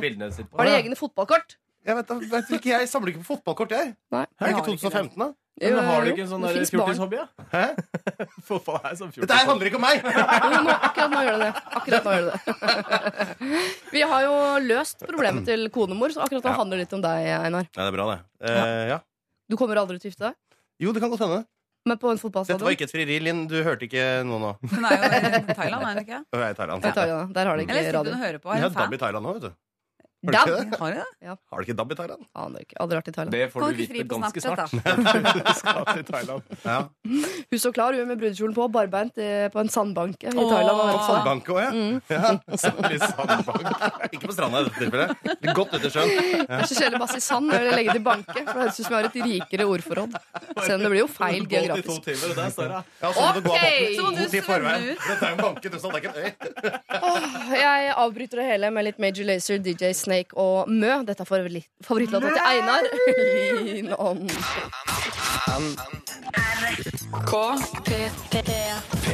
P3. Major Lazer, DJ Snake og Mø, Lean On. Dette er jo, eh, om ikke favorittlåta til Einar Tørnquist, i hvert fall favorittlåta til eh, ganske stor del av jordas befolkning. Jeg tror det er den mest populære låta Da i meddeler 2015. du India og Kina. Spesielt India og Kina. Eh, dere, Vi har allerede snakket om eh, et bryllup. Eh, vi har snakket litt om bryllupet til Einar Tørnquist, som jo skal være Sandbanker langt i havet. ja, Mm. Thailand og i jula. Eh, og vi skal over til et annet bryllup, også eh, her. Eh, og i forbindelse med det så skal jeg dele ut eh, noen ark til dere. Dere kan få et uh, hver. I alle dager. Dette er et eh, brev som dere godt kan skumlese. Det er fire sider Nei, men med trenger tettskrevne. Tenk bare å lese det ene. Det er uh, på norsk og på engelsk. Ja, ok, Så det er greier på baksida. Det trenger vi ikke lese. Ja. Men prøv å høre hva jeg sier samtidig. Ja. Hei! En venninne av meg giftet seg for ikke lenge siden. Jeg kjenner ikke mannen særlig godt, siden vi for det meste møtes i en venninnegjeng. For et par uker siden mottok jeg et anonymt brev i posten fra en tidligere kollega av denne mannen, med en kraftig advarsel om å være på vakt overfor denne mannen, som de hevder er psykopat. Jeg vet ikke hvorfor akkurat jeg fikk dette brevet, men det kan være fordi jeg jobber innen samme bransje som mannen, i tillegg til å være venninne av hans kone. Det verste er at jeg er tilbøyelig til å tro på innholdet i brevet, fordi det er noe med denne mannen jeg reagerer på. Han er så til de grader flott og omtenksom, flink og pertentlig. Ved første møte hadde han gjort god research og var åpen om sine personlige erfaringer, som var veldig sammenfallende med mine. Jeg ble imidlertid eh, skeptisk fordi jeg opplevde det som velregissert og utspekulert. For meg fremstår han som en eh, taktisk og beregnende fyr. Hva i all verden skal jeg gjøre med informasjonen jeg fikk i dette brevet? Jeg kan ikke dele dette med min nygifte venninne, for hun lever fortsatt på en rosa sky og beundrer eh, denne flotte mannen som gjør alt for henne. Og jeg er redd for å dele dette med noen av de andre venninnene mine uten å vite hva vi skal gjøre med det, for jenter er ikke alltid gode til å holde på hemmeligheter, og vi eh, jeg vil ikke være opphavet til et slikt rykte. Jeg ønsker min nygifte venninne alt godt, men hvordan skal jeg gå fram for å hjelpe henne? Sannsynligvis har hun eh, det foreløpig helt topp, og kan ikke vite med 100 sikkerhet at innholdet i brevet er sant. Men det kan være det. Hilsen rådløs venninne Maja. Eh, Jeg vet ikke om jeg har rukket å skumlese brevet noen. Det er et ganske langt, tettskrevet eh, brev, og det eh, dere vil oppdage hvis dere rekker å lese hele, er at det er ikke ett eneste eksempel i dette brevet på ting mannen har sagt eller gjort som er psykopatisk, Mm. men det er utrolig nøye beskrivelser av hva som er en psykopat. Mm. Eh, jeg savner noen eksempler på hva denne mannen har gjort som er så forferdelig Uh, i dette brevet. Foreløpig så stemmer det veldig med hennes historie at han er veldig sånn eh, prikkfri og flink i Mm. starten. Og det Ja. står det jo også i det brevet her, at uh, han er helt rå til å snakke for seg, er sjarmerende og har alt i orden. Så sånn sett så stemmer det jeg- bra. Men så venter man på at det skal snu, nemlig. Eh, ja, det er man usikker på. Hun vet jo ikke engang hvem som har sendt brevet. Men det står også her at ingen samvittighet og en lyst, mellomrom, løgner. Det er flere ordleser. klarer altså, Det er flere ordleser. Har du sett flere? Ja, det, er opp altså, det var um, tilpasningsdyktig. Ja. Ja. Ikke sant? Og det er svakhet. Det er svakhet. Kilden er ikke god nok. Men, Men det men, er ikke, det er ikke spam, da, så man får sånn 'hello you, I love you', eh, som jeg ofte får på e-post fra I så fall syns jeg spam-industrien har tatt en uventet Ja. og noe artig retning. Ja. Eh, det må jeg innrømme. Ja, men Er det direkte med navn på han fyren? Eh, det er i hvert fall direkte til henne. Og det var et brev av den gode, gamle sorten. For det dere har fått, er en PDF av et ordentlig brev. Oh, ja, det var, jeg trodde det var en e-post. Nei, Herregud, ikke e-post. Det er faktisk brev. Personlighetsforstyrrelse. Ja, men da Ja. Man kan jo Det er sikkert litt lurt at hun er litt skeptisk. Ja. Hvis jeg var henne, så ville jeg holdt dette tett i brystet. Kontakta selvfølgelig Lørdagsrådet først. Ja. eh, Og hørt hva vi har å si. Men, eh, og så prøve å spore opp hvor dette brevet kom fra. ja. Jeg, vil også, jeg har Og også gå- blitt litt detektiv på dette. Ja. Ja. Og gå litt etter i sømmene om det her er eh, Og kanskje hun kan Det er vel Nå- lavere sannsynlighet for at de som har skrevet brevet, er, de, eh, altså er kjempegale og bare har lyst på en hevn over han fyren, enn at han faktisk er gæren. Så det er all grunn til å være mistenksom, da, tror jeg. Mm. Men uh, samtidig så er jo uh, det her bare har lyst til å oppfordre til å drive god kildekritikk. Uh, prøve å finne ut så mye som mulig om hvem som har skrevet brevet og hvorfor, og det er det nærmeste man kommer å kunne finne ut av noe av det, vel. Ellers så vil det jo åpenbare seg på et annet tidspunkt om denne unge Det er litt sånn følelsesmessig skrevet. Noen mener at psykopaten mangler sjel. Altså, det, er, jo- det er veldig sånn dramatisk eh, jeg, jeg vil være litt Ikke så veldig vitenskapelig, akkurat det. Nei, men, Men, at dette her eh, er sånn Noen mener at psykopaten mangler sjel. Er det han, eller er det psykopater generelt? Så det er ikke noe eksempel på at han blir voldelig eller kontrollerende Det er ikke ett eneste eksempel på noe han har sagt eller gjort. Det er ikke noe eh, Det er ingenting om han. Det er bare en, en lang skildring av hva som er klassiske trekk hos en psykopat. Ja. Eh, Men det er, det er noe av det minst konkrete jeg noensinne har lest det brevet. En psykopat som han gjør seg ingenting av å skjelle ut selv en uskyldig flyvertinne eller en taxi. Mellomrom sjåfør. Ja, Det er kanskje det nærmeste vi kommer et eksempel. Han, Han har bryr seg ikke. på en taxisjåfør og en flyvertinne en gang. Ja. Unnskyld, taxisjåfør. Det har jeg også gjort. Eller fly. Har du skjelt ut en taxisjåfør? Eh, ja, det har jeg absolutt. Oh, ja? Hva, hva sa du? Eh, Du har kjørt feil. Hvis ikke du eh, Nei, han satt ikke på eh, Jeg var full, da. Ja. Så satt ikke han på takstameteret, og så prøvde han å ta mye penger fra meg. Åh. Ja. Ja. Så betalte jeg 50 kroner, og da var jeg, det var jeg veldig vrien på. Det var alt jeg ville betale. Så du kom godt ut av det? Ja. Det var vel antakeligvis eh, svart betaling, da. Ja, det vil jeg påstå. Jeg innrømmer alt. Men dere, hvis denne mannen her eh, eh, For det som er sammenfallende her, er denne Majas inntrykk av mannen og Mm. det inntrykket man får av mannen i brevet.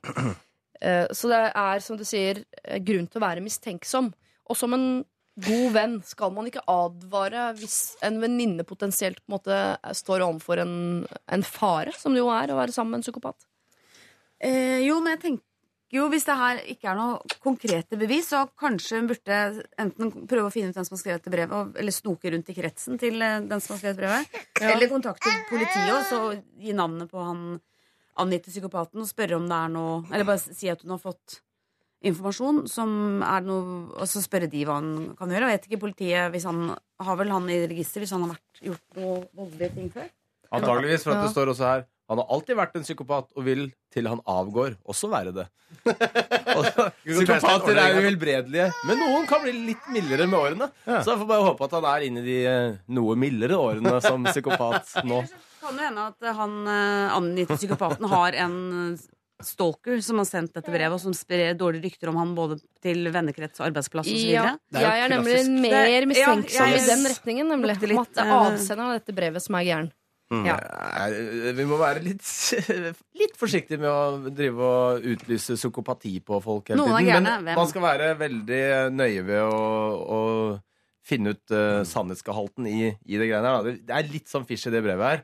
Men uh, det kan jo være at det er en uh, rettmessig Jeg syns avsender av brevet vet altfor mye om hva det vil være å eh, si å være psykopat. Ja, men en psykopat vil ikke nødvendigvis vite hva det er å være psykopat. De er jo bare går rundt og er eh, gærne og, og syns at uh, livet deres er helt perfekt. Ja, er og syns det er veldig rart at ting plutselig klusser seg til. Og de feiler jo på psykopattestene fordi de tenker at de svarene de gir, er kjempebra. Ja. Jeg er kjempeopptatt av meg sjøl, jeg. Ja, ja, ja. Helt topp, det. Men dere samtidig, hvis jeg hadde vært gift med en mann, og en venninne av meg hadde fått dette brevet, uh, så syns jeg det brevet der er såpass uh, sjukt og rart og lite konkret at hvis jeg hadde fått lese det, så tror jeg jeg ville ikke ha blitt Altså, Jeg hadde ikke ledd av det, men jeg tror på en måte Jeg syns ikke det er noe farlig ved at Maja viser dette brevet. For hun kan legge det fram si. ja, hun kan legge det fram sånn Herregud, se hva jeg har fått. Dette Ja. er jo helt sykt. Ja. Og så får hun jo legge, plante denne mistanken over på hun som faktisk kjenner denne mannen øh, best. Ja. For øyeblikket. Kanskje ikke godt nok, men fortsatt best. Bedre enn Maja. Mm. Eh, og da eh, bare, Det er synd å skulle ødelegge den rosa skyen, men eh, hvis, hvis hun er så utrolig overbevist om at denne mannen er verdens beste fyr, så vil hun ikke bli vippa av pinnen av dette brevet. Fordi det er ikke noen eksempler på ting han har gjort. Det er ikke noe i det som sånn, å herregud, har han gjort eller sagt det? Da er han et forferdelig menneske. Det er bare en Med lang mindre- novelle om psykopati. ja, det er det jo faktisk. Så det er ikke noen konkrete Han har sånn kjefta på en flyvertinne, liksom. Ja, det er jo masse folk som har gjort det uten å være psykopater. Ja. Har jeg hørt. Lest statistikk på det. Men nå er, nå er jo det brevet der. Eh, da er det grunnlag for å på en måte bare eh, etterforske saken litt nærmere. Kikke litt på avsenderen, kikke litt på psykopaten, eh, den angivelige psykopaten. eh, og lev livet som før. Ikke si noen ting til venninnen. Det syns jeg er veldig bra forslag, Eh, Du jo, det. men for, du kan godt si noe, men på en, måte, på en litt sånn åpen måte. Nå er det kommet inn et rart brev her. Ja, så kan man jo ja. le av de samme ting som vi har ledd av i dette brevet. Altså, det, det er jo mye underholdning her, da. Mm. Det kan hende at han mannen har en stalker. Hvis man har stalker, så skal man jo ikke Det har vi lært her på NRK. Vise kvinner som jobber her, har jo gjerne noen stalkers. Man skal ikke snakke så høyt om dem. Og det er jo mulig at hvis han er Han som blir utsatt i brevet, har stalkers Ja. så Det var ikke jeg som prompa. Hva skjedde nå? Bra timing, Erlend. Det, altså Det der der, der er mye mødre som har bare Det var ikke meg som prompa nå. Det, For det faller ikke det er ikke mulig å etterkontrollere. Jeg hører forskjell på en fis sluppet i truse og en fis sluppet i bleie. Gjør det er to det? forskjellige lyder, akkurat som å fise i stoffsofa eller skinnsofa. Det er to forskjellige lyder. Men var det, ble det en avsporing, eller fikk du Det er en, av, det er en avføring, som du sier. Ja. Dere, eh, eh, det Maja er nødt til å gjøre Hun kan selvfølgelig være litt sånn CSI her. Eh, undersøke litt osv. Men hennes eh, ansvar som venninne er vel å sørge for at venninnen eh, har det bra, eh, er trygg osv. Og, og jeg tror ikke jeg tror ikke du ødelegger livet til venninnen din ved å vise dette brevet her. Det er ikke på en måte stygt nok i forhold til hvem mannen hennes er. Hvis hun Nei, stoler altså, på han og er glad i han, så så hun det fikser hun det. feil, så er det jo bare et uh, pussig og borderline artig eh, tilfelle av en advarsel. Og hvis det er riktig, så er det jo en rettmessig bra ting. Så det er jo ikke noe gærent i å Nei, jeg tror her eh, du må rett og slett vise brevet. For Enten er det sant, da må hun vite det, eller så er det ikke sant. Og da må hun ha muligheten til å få sagt fram at dette er bare tøv. Det er hun der er gærne på regnskap. Vi vet om henne, vi har fått disse brevene, vi også, og så videre. Det kan godt Anita som- Skans? Anita Dybvik Skans? Det er Anita, ja, som har sett. God jul, Anita! God, god jul! Dette er er P3. Foo Fighters med Saint Cecilia fikk vi der, og før det Sonny Alven sammen med Emmy, Our Youth. Eh, vi startet eh, i dag morges eh, rundt kvart over ni, folkens, med å snakke om den andre kvinnen. Og nå skal vi treffe den andre mannen. Det er ikke snakk om det samme forholdet. Eh, vi skal bare eh, få eh, nok et slikt forhold, men sett fra mannens perspektiv, for det fins også. Einar Tørnquist, du er rådgiver i dag sammen med Jonas Kinge Bergland og Gunhild Dahlberg og lille Erlend. For en tid tilbake så møtte jeg en dame. Det var klart fra starten av at vi skulle ha det gøy. Jeg visste at hun var gift, det fortalte hun tidlig. Ja, jeg vet at dette seg selv ikke er bra, men hun mente at mannen eh, fortjente det, da han visstnok gjorde det eh, samme selv. Han reiser mye med jobben. Sånn slags hevnsex, dette da, altså, i starten. I et par måneder var ting veldig bra. Vi hadde mye sex, og hun var helt topp å være sammen med. Jeg følte jeg kunne være meg selv, eh, og hun følte det samme. Vi var sammen nesten hver eneste helg, og jeg dro over til henne når mannen var uten, ute på reise. Men etter en tid begynte hun å vise litt vel mye følelser. Hun skrev 'Jeg elsker deg', 'Du er det beste som har skjedd', og 'Jeg er så lykkelig'. Mye kom i, i såkalte fylle-SMS, men etter hvert kom det også på dagtid. Problemet er at mannen blir koblet mer og mer inn i forholdet. Han har visstnok akseptert meg og syns at det er ok. Hun planlegger ferier med både denne mannen og meg på samme tur. Det har blant annet vært nevnt USA-tur til sommeren, og hun vil også at vi skal feire nyttårsaften sammen. Mannen hennes vil gjerne møte meg personlig. Hun sender bilder av seg selv som mannen helt tydelig har tatt, for at han skal vise meg hvor fin hun er.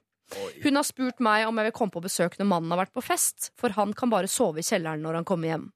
Jeg skulle gjerne nevnt flere situasjoner, men jeg tror det avslører for mye. Jeg er redd for denne mannen. Jeg tør ikke møte han, for jeg vet ikke om eh, han forventer at vi tre skal ha det gøy, eller om han rett og slett har tenkt å rundhjule meg. Hvordan skal jeg komme meg ut av denne smørja? Med vennlig hilsen Home Wrecker Pete's. Ja, men det er vel bare å si at uh, sorry, dette blir for mye. Ja. Jeg uh, må nesten bare takke for meg og eh, dra videre på landeveien. Livets landevei. Jeg liker å ligge med én og én av gangen. Det må være en ærlig sak. Ja, mange hun gjør det. Ja, mange gjør det. Men hun har ikke sagt eh, altså, Mannen skal sove i kjelleren han, når han kommer hjem. Ja, men, han det, ferie? dag, ja, det høres jo helt funky ut, det greiene her. At han der mannen tar bilde og ja, nei, men ta så Sett ut rumpa litt der, og så sender vi det til han nye typen din. Det er freaky, ass. Jeg er enig i at dette er litt uh, ukonvensjonelt, men det kan jo Det kan jo hende at eh, denne mannen hennes ser at kona eh, har det bedre på denne måten, og han er ikke sjalu, så plager ikke han. Så han tenker Ja, men da du gjør du det slutt. Bli ferdig med det. Og, og folk bytter jo partner innimellom, men ikke sånn og så og, Hvor alle er sammen hele tiden og lager en slags sånn derre rar eh, sekt ut av det. Altså, det er Nå syns jeg du foregriper begivenhetene litt vel mye. Men det er ikke en sekt, det er bare en liten trekant. Det er snakk om den. Ja, stemmer det. Ok. Dro det litt eh, langt her. Men, eh, Ja, ja, ja, det litt langt her. mange syns jo det her kunne vært en drømmesituasjon. Det begynte som en hevnaksjon og endte opp i et eh, trekantforhold hvor vi drar på ferie sammen til USA og roadtrip, og alle tre kan ligge sammen hele tiden. At, eh, det høres kjempebra For noen høres det bra ut. Men eh, for vår venn Ja, og Jonas syns det høres helt, er veldig angstfullt. Og da er rådet uh, slå opp eh, det, er, det er vanskelig å slå opp med én. Nå må han slå opp med to.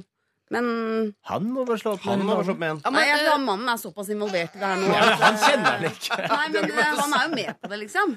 Han, han gleder seg til USA-tur, han òg. Nå skuffer han to. Dette her er den beste strategien noen gang, har- noen Ja. noen gang har lagt for å bli kvitt en fyr. For det er det, det som skjer her nå. ja, for Akkurat mannen her er et geni. Hei, bli med oss på ferie, da! Ja, ja, ja. Vi, vi tre sammen! Hey! Det blir dritkult! Kom Han igjen! fyren bare OK. Takk for meg. Den er grei, du. Hei, hei. Det, er, jo- det må jo være det. Det er jo ingen andre logiske ja, det, var, det, det er et masterplan, det greiene der. Ja, det er det. Ikke gi deg. Nå skal du bli med i det forholdet. Nå skal du ødelegge. Ja, se, ja, se hvor mye du kan få ut av dette her. Jeg tenker, her, hvis han, sant, Grunnen til at han er redd for den mannen, er at han har ikke møtt denne mannen. Dette er ikke noe han har vært borte for Dette er ikke liksom innafor normalen. Dette er litt rart. Men han kan jo se hva er det han kan eh, få ut av dette. Jo, han kan fortsette å ordne med hun dama her, som han jo sier er bra. Han kan få seg en tur til USA. Han kan jo få oppleve masse spennende. Han må bare få eh, på en måte lagt premissene til rette for sånn Ok, han og jeg skal aldri være i samme eh, altså, seng. Vi skal aldri ha noe med hverandre å gjøre sånn sett. Eh, men begge to får lov til å ligge med henne. Og hvis alle er helt komfortable med det, ja, så er vel, det høres ut som den uh, eneste morsomme turen jeg kan komme på til USA. På. Ja, men det høres jo litt sånn ut som at hun dama er uh, Altså, hun sender jo en melding om at hun elsker den og sånn, gjør hun ikke det? Jo. Ja. Så det handler om eh, litt mye involvering, da. Hvis det hadde vært en veldig sånn løs og ledig greie hvor det bare sånn ja, ok, vi har det gøy, Ja. så hadde det vært mer uh, spiselig. Men eh, når eh, det dreier seg om så sterke følelser og eh, så komplisert struktur på hele pakka, så jeg vet ikke. Du er skeptisk til denne pa- trekantpakka her. Jeg, jeg syns ikke at eh, det menn må bare få inn i nøtta si, det er at når damer begynner å si at 'jeg elsker deg' når Så mener de det ikke? sammen- Nei, så mener de det ikke. Hæ? Fordi det er hun han sannsynligvis bare puleforelska.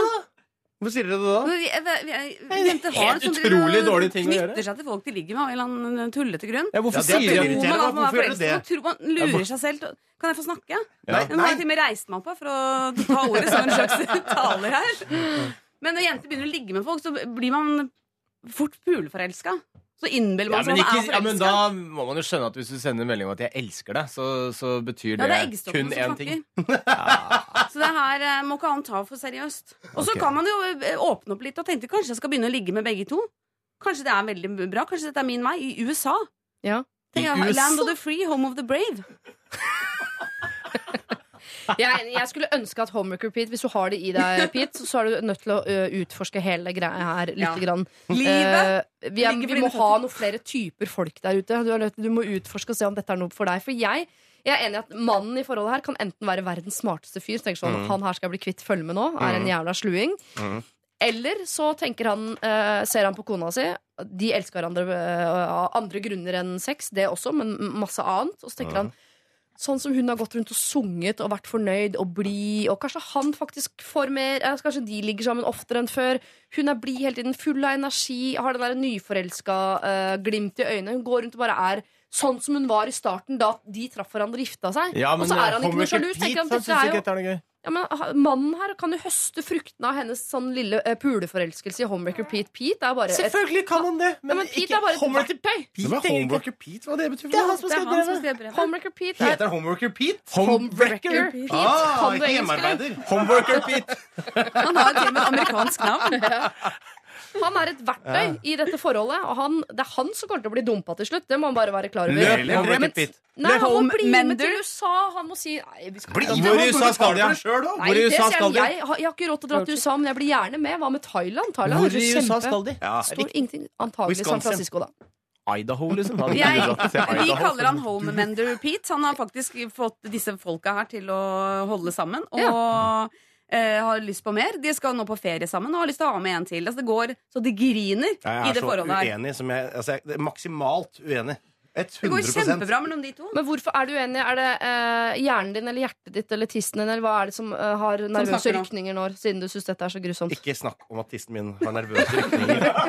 Og se på meg. på Du den har måten. sånn rødt nervøst ursett på halsen nå. Jeg har klødd meg. Ok. Eh, nei, jeg, jeg, hu- han må jo bare ut. Han blir kasta ut. Han er enten i ferd med å bli kasta ut av forholdet her, på Mm. slu måte, eller i ferd med å bli lurt i en drapsfelle hvor de skal slakte Det det her.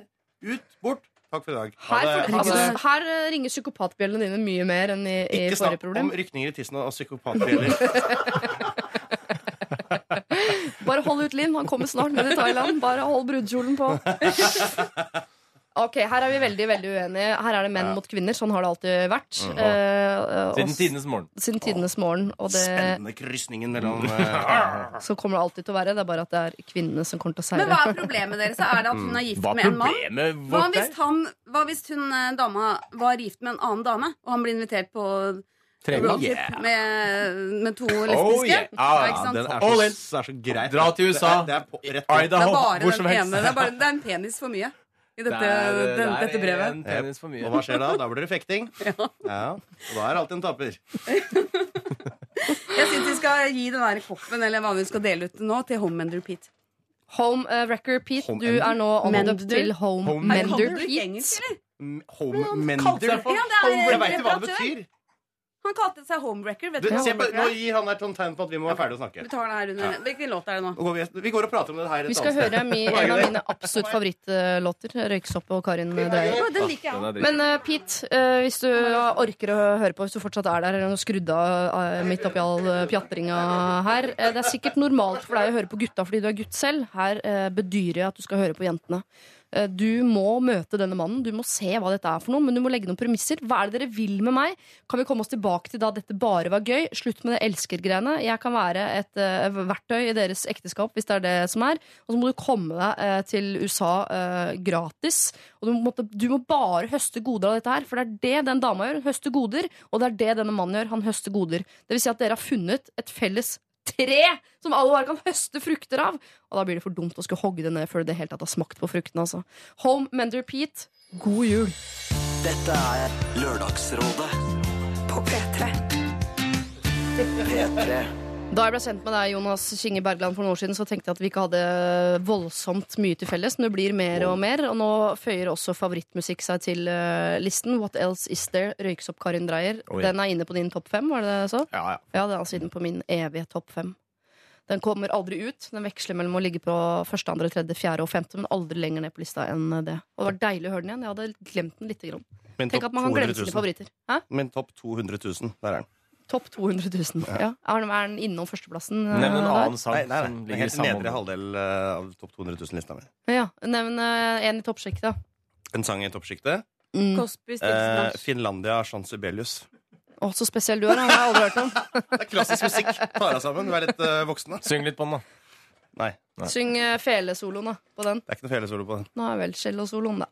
Bratsj. Ta deg sammen, da. Ta det sammen. Gunnar, du skal få slippe det spørsmålet. Takk. Ja. La oss gå videre i Eh, vi skal gå videre i sendingen til en eh, som ønsker å være anonym, men vi kan få lov til å kalle henne for Tora. Og det skal vi altså gjøre. Står det i brevet? Tora Berger. Ja, ja, Kan vi kalle henne for onanym? Sånn som de noen ganger gjør for Onanym Tora? Berger. Ja. Ja. Det kan vi gjøre. Mm. Jeg er singel og ble ferdig med å studere på universitetet på Ås for noen år siden. Og som flere andre som har tatt mastergrad, kunne jeg kjøpe skolens kandidatring. Dette er en gullring som skal bæres på venstre ringfinger, og som skal vise hvilken skole man har gått på. Litt sånn som NTNU-ringen. Ser man en annen med samme ring, så nikker og smiler man og slår kanskje an en prat. Og jeg har hatt flere hyggelige samtaler med andre tidligere studenter på bussholdeplass og lignende av nettopp denne ringen. I starten var det litt rart å gå med en gullring med et pentagram på, men jeg ble vant til det etter hvert, og nå savner jeg den litt hvis jeg ikke har den på. Pentagrammet skal forresten symbolisere de fem første studieretningene ved skolen, ikke satanisme eller vikarreligionen, religionen, eh, slik noen kan misforstå. Så til spørsmålet mitt. Siden det er en gullring som bæres på venstre ringfinger, så kan den misforstås til å være en forlovelses- eller giftering. Kjære Lørdagsrådet, forhindrer ringen meg å møte drømmemannen, siden det kan se ut som jeg allerede er opptatt. Hva burde jeg gjøre? Her er link til en artikkel med bilde av ringen. Og så kan vi da kalle henne for uh, Ona... Onanin Tora Tora Berger. Berger. Ja. Men eh, altså eh, Ser den akkurat ut som en giftering? Med, nei, med Satan. eh, sånn Det gikk som nok pentagram. igjen, da, i så fall. Ja, men altså, Man ser jo at det da ikke er en giftering. Bare det er en ring på den. Jeg visste ikke, Er det Men venstre du- hånd den uh, ringefing... eh, altså venstre hånd giftering skal være på? Er Aner det? ikke. Aner Er det noen som er gift her? Nei. Nei. Nei. Det er en fin gjeng. Den skal være på høyre. Alle er gamle, ingen Så er skal være eldre. på høyre, Men nå har det jo blitt en trend i det siste å ha den på venstre. Har Fordi det blitt det er en trend i det siste? hjertet. For det der, Nærmest hjertet, ifølge eh, Ari og Märtha. å, for det er mest nerd. Vet at det, Og i hjertet utlandet. sitter midt i brystet? Mm. Det vet ikke Ari og Märtha. Eh, og så er det i utlandet. Her kan dere se ringen. Utlandet er det venstre, og Norge er det høyre. Her er ringen. Nei, den ringen der kan man jo ikke ha på seg. Syns du den var Nei, stygg? ja, det var kjempestygg ring. Det Og du ser er ut som du spiller i et sånn eh, gotisk metallband, jo. Ja, Vi legger ut bilde av denne på Facebook-siden vår. Det er jo ikke en, hvis dette er gullring, så er det hvitt gull, og det er noe av det dummeste jeg vet om. Det er det absolutt dummeste jeg vet om. Eh, og så er det jo litt sånn slangemønstret på selve ringen, og så er det en klump oppå med, en, eh, med da den stjerneformasjonen på. Det raser inn med problemer nå. Ås må ta en runde med seg sjøl og redesigne den eh, ringen. Og nummer to, må man ha en sånn ring når man Nei. er ferdig mastergradsstudent? Men hvis hun er redd for at eh, folk skal tro hun er gift, så er jo ikke det det store problemet. Problemet er at du går med en sånn sløv ring. Ja. Som, eh, som kan være like frastøtende som eh, en giftering, da. Ja, eller folk tror hun er nettopp eh, satanist eller er med i Vika Altså, eh, du, hun må jo velge om, om, om virka, virka som at oppturen her var å ha følelsen av å ha en ring på fingeren. Og snakke Og med. prate med folk på bussholdeplasser. Ja. Og det vil man jo aldri. Altså, hvem- Jo, men skjønn Det, greia. det Det er jo som, sånn sånn, rundt Jonas skulle gått med sånn eh, er sånn periskop rundt eh, halsen hele tida fordi han er lege. Periskop eller stetoskop? Stetoskop, eller periskop, som hadde vært enda gøyere. Jo, men hils, hilser ikke dere på folk som har lik bil som dere, eksempel? Nei. Jeg, Jo, jeg gjør faktisk det. jeg også gjør, når jeg kjører på uh, Vespa, eksempel, så hilser jeg på alle andre som kjører Mm. Vespa. Jeg skjønner greia at det er Og vi har studert på samme skole, selvfølgelig så slår man an en prat. Den sosiale gevinsten der, den skjønner jeg veldig, veldig veldig, veldig godt. Jeg synes bare synd at ringen er så stygg. og at uh, du kan få folk til å tro at du er forlovet, uh, gift, satanist eller medlem av Vika-religionen. Uh, men da må hun jo ta et valg, da, ellers må vi ta det for henne. Nei, altså, det kan jo eh, Altså, det kommer ikke til å bli misoppfatta som en giftering. Det gjør det jo ikke. Nei. Den så ikke så giftet ut. Giftet Nei, ut. så Kan man ikke utvide den, den, eller gå opp i vekt, så kan man bytte finger? Hvis det er eh, et eh, Utvide den eller gå opp i vekt. Har du sagt Ja, om det? altså Hvis hun uh, utvider ringen, så kan hun ha den på uh, langfingeren. Hvis hun går opp i vekt, så blir den for liten som å ha den på lillefingeren. Så ja. syns det jo Da åpner du slusene for uh, alle. Sier 'hallo, dette er ikke en giftering'. Men så er det jo veldig vanlig at man uh, kanskje vil ha en kjæreste som er innenfor samme yrkesretning Ja. som deg selv, og da må det her være en slags magnet. Hei, jeg har også gått på NTNU. Ja, Hei, jeg har også sang kor. Hei, jeg lekte også katt eh, i studentkoret på Ås. Får man ring, da? Den ringen har jeg. Det? Den ringen har jeg. Og Da er vi tvillingsjeler. Men jeg tror, eh, bare for å problematisere det, jeg tror de mennene som tenker at 'å nei, hun er gift', de tenker ikke sånn 'å, jeg var på feil finger', da er hun ikke gift, da må det være noe annet. Så Nei. langt rekker man ikke å tenke. Og så glaner man jo ikke på en hvis man ser at man bare aner så vidt at det er en ring der nede. Så tenker man jo ikke Man står ikke og stirrer på den, for det vil jo mistenkeliggjøre deg veldig. da Ja. så at Gjør det? Ja, hvis står det Kan jo glane på en ring. Det er lov, det. Og hvis anon Du trenger ikke å g- dra grimaser på den måten du gjør nå. da Det ser jo ikke de der hjemme. Nei, det er bare noe jeg, jeg jeg, gjør det nå. Jeg sitter i nærheten av bestandig. Det er Gunhild det. rekker opp hånda, og det må vi anerkjenne. Hva vil du si, Gunhild? eh, Hvis anonyme Tore har hørt på sendinga fra klokka ni, så vil hun høre at det å være i forhold, det er jo ingen hindring for om folk skal lure inn tissen sin. Jeg trodde du Nei. skulle si det å være i forhold er ikke noe gøy. Jo da, Eh, jo, det det er må ha sine fordeler. Det, Det altså. er du som eh, ikke har skjønt det. Ah. Eh, så det er ikke noe hindring om man er i et forhold. Nei. Folk eh, ligger på kryss og tvers. Ja. Sånn, men eh, den, burde, den største bekymringen hennes er at hun har en litt død ring. Ja. Ønsker seg en ny ring til jul. Eh, jeg ønsker meg forresten til jul eh, at dere slutter å bruke ordet døv om kjedelig. Å ja. Men Jonas, du som representant for de single eh, her, eh, er dette en typisk unnskyldning man bruker for å være singel? Sånn 'Å, det må være i ringen'. Skjønner du hvor jeg vil? Eh, at eh, At man finner på sånne uh, finner- rare unnskyldninger for hvorfor man har singt Sånn, Oh, og det er ikke noe med meg eller noe i ringen. Ja, det må være eh, ringen. problemet ditt. Mm. Ja. Ja, men det er jo, hvis, er.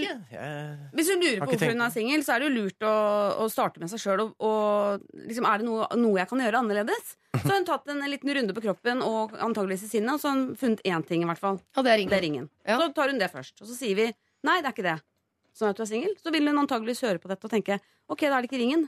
Da er det noe annet. Hva kan det være? Ja, men nå har vi Mm. også sagt at den ringen kan jo like seg et knyttebånd som å uh, Nei, jeg tror det opp. heller fungerer eh, bra som å og, som, uh, typecaste de folka du får prata med, da. Ja. Uh, hvis, hun, hvis den er såpass uh, brukbar at man faktisk får prate med folk på bussholdeplasser. Mm. For der er det jo ganske Det høy terskel for å få begynne å prate med folk.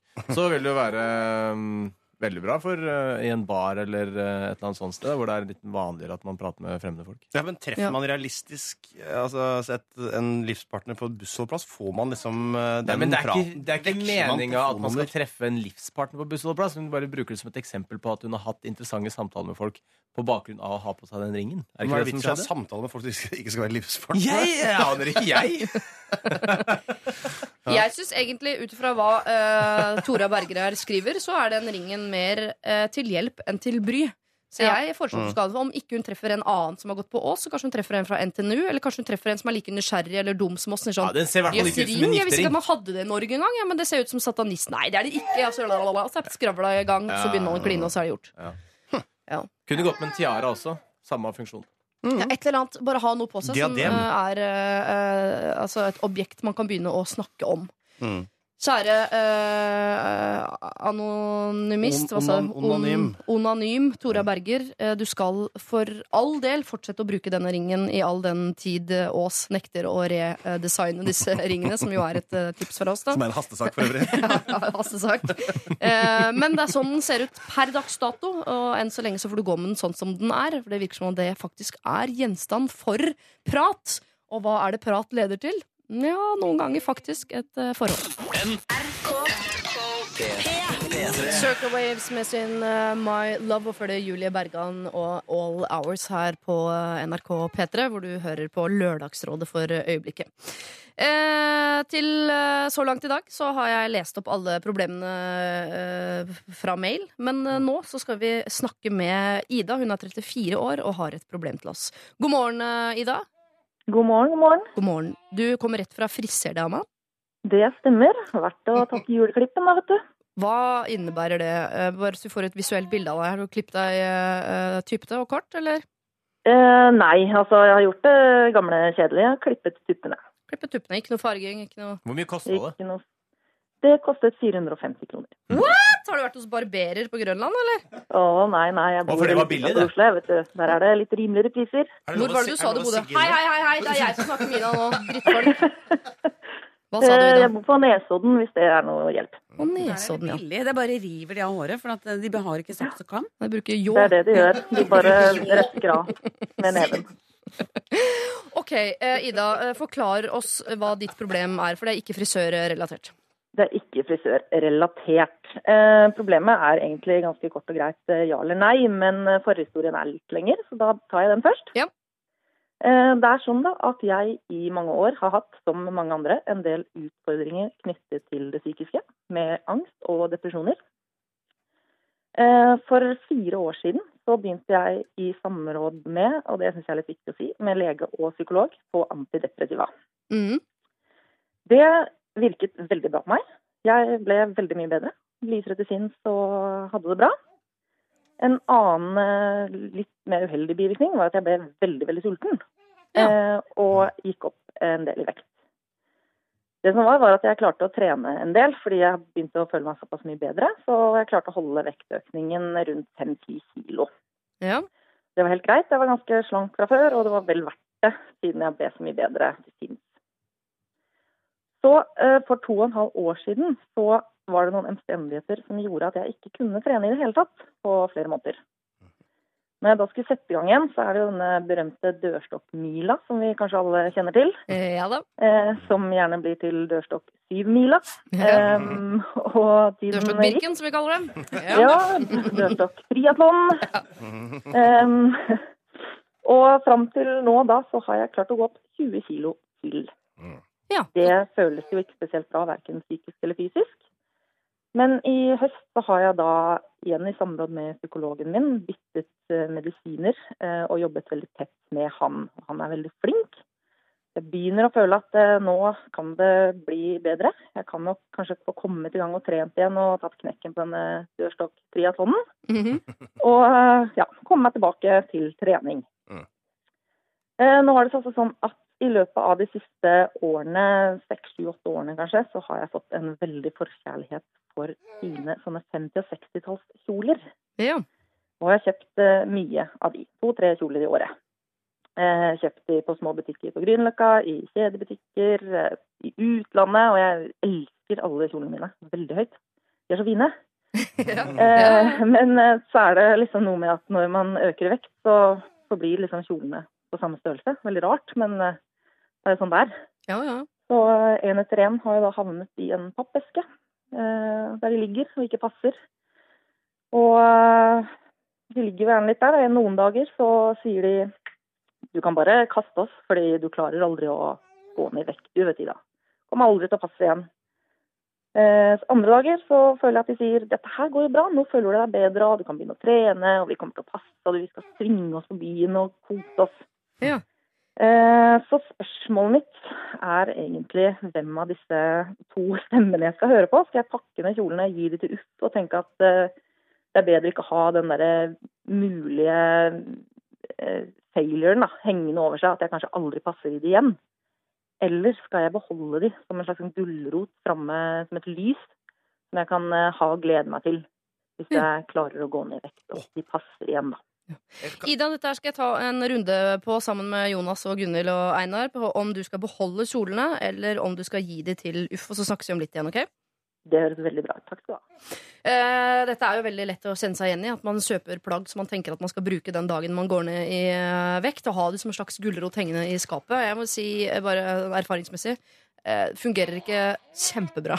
Men eh, ikke, ikke hør på meg. Hva tenkte du, Einar, som var så Jo, fordi jeg tenkte at hvis det er eh, Hvis hun har kjøpt kjolene underveis i, opp, i den vektmessige opptrappingen, mm.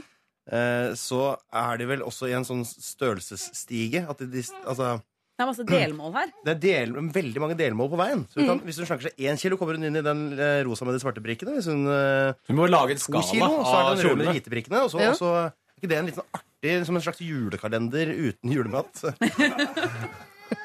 ja, det var bare det jeg tenkte. En kålrotkalender, ja. Ja. Ja. Eh, og så ender det opp med denne gule med bar mage, som hun drømmer seg om. ja.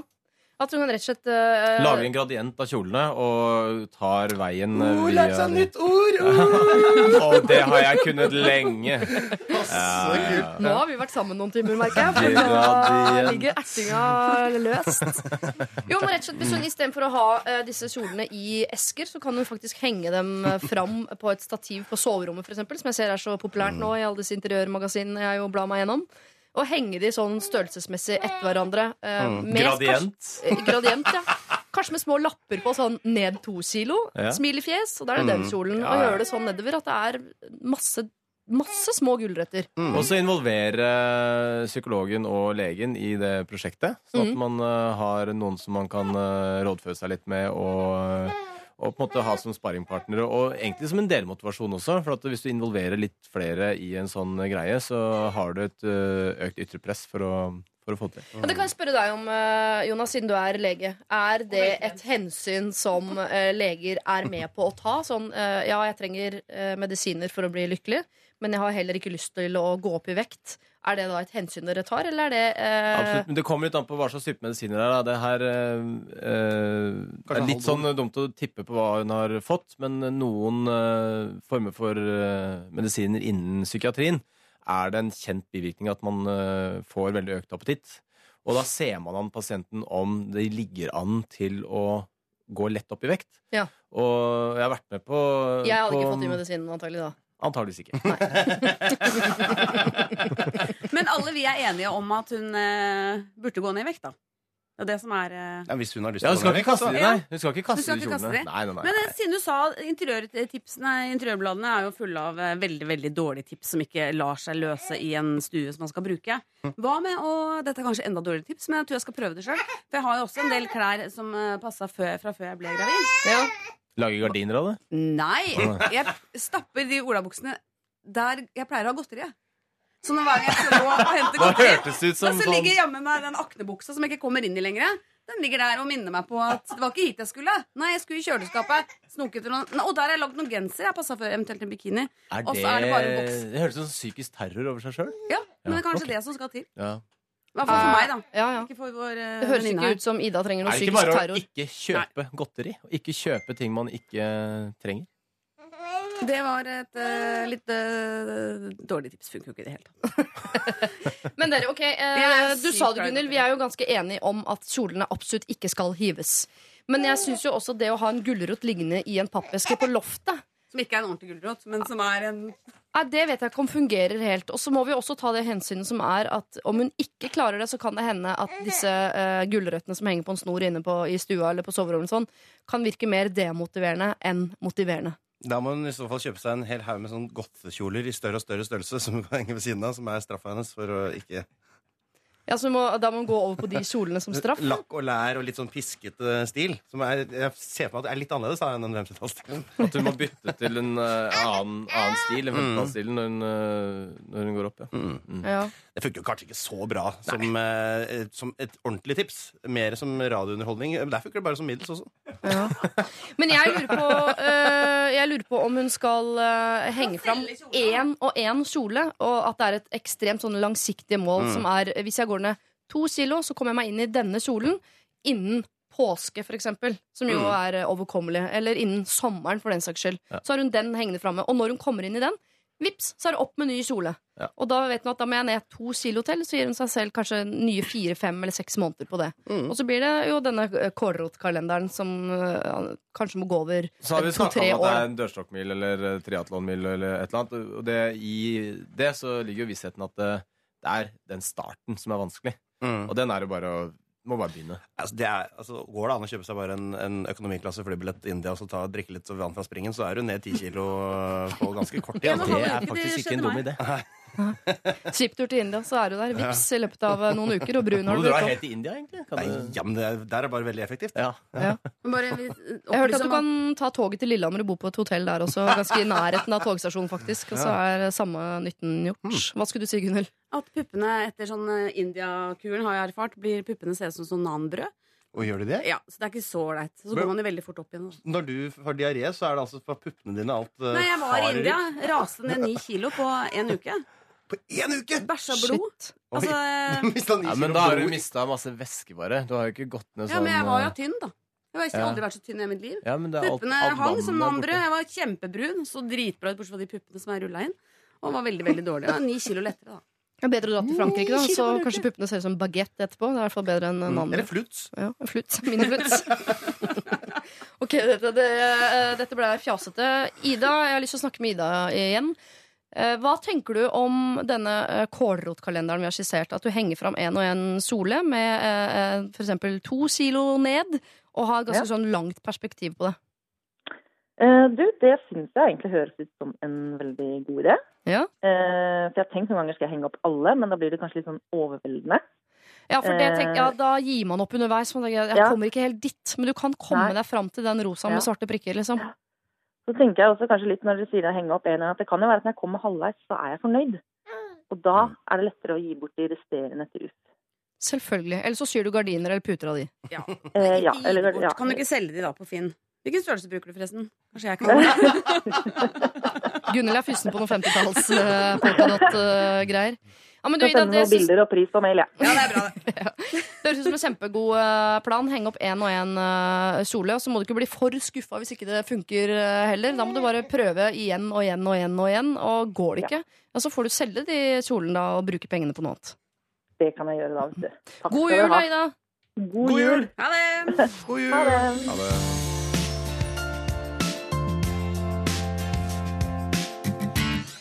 Echo Smith var det med Cool Kids. Og her sitter jeg i Lørdagsrådet sammen med Jonas Kinge Bergland, Gunhild Dahlberg og Einar Tørnquist. Jeg tenkte jeg skulle gjøre dere eh, Nå har jeg akkurat hørt om de fine kjolene til eh, Ida. eh, Men jeg lurer på hva dere ønsker dere til jul. Hva Å, du til oss, jeg. Ja. trodde Du snakket til lytterne. Nei. Nei. Det har blitt veldig rart. Send inn SMS nå, fortløpende. Til jul. Ja. Ønsker meg til jul. Er det Jeg trenger en ny sånn nakkepute til eh, langt, lange flyveturer. Eller Fins det i tempur, så ønsker jeg meg det.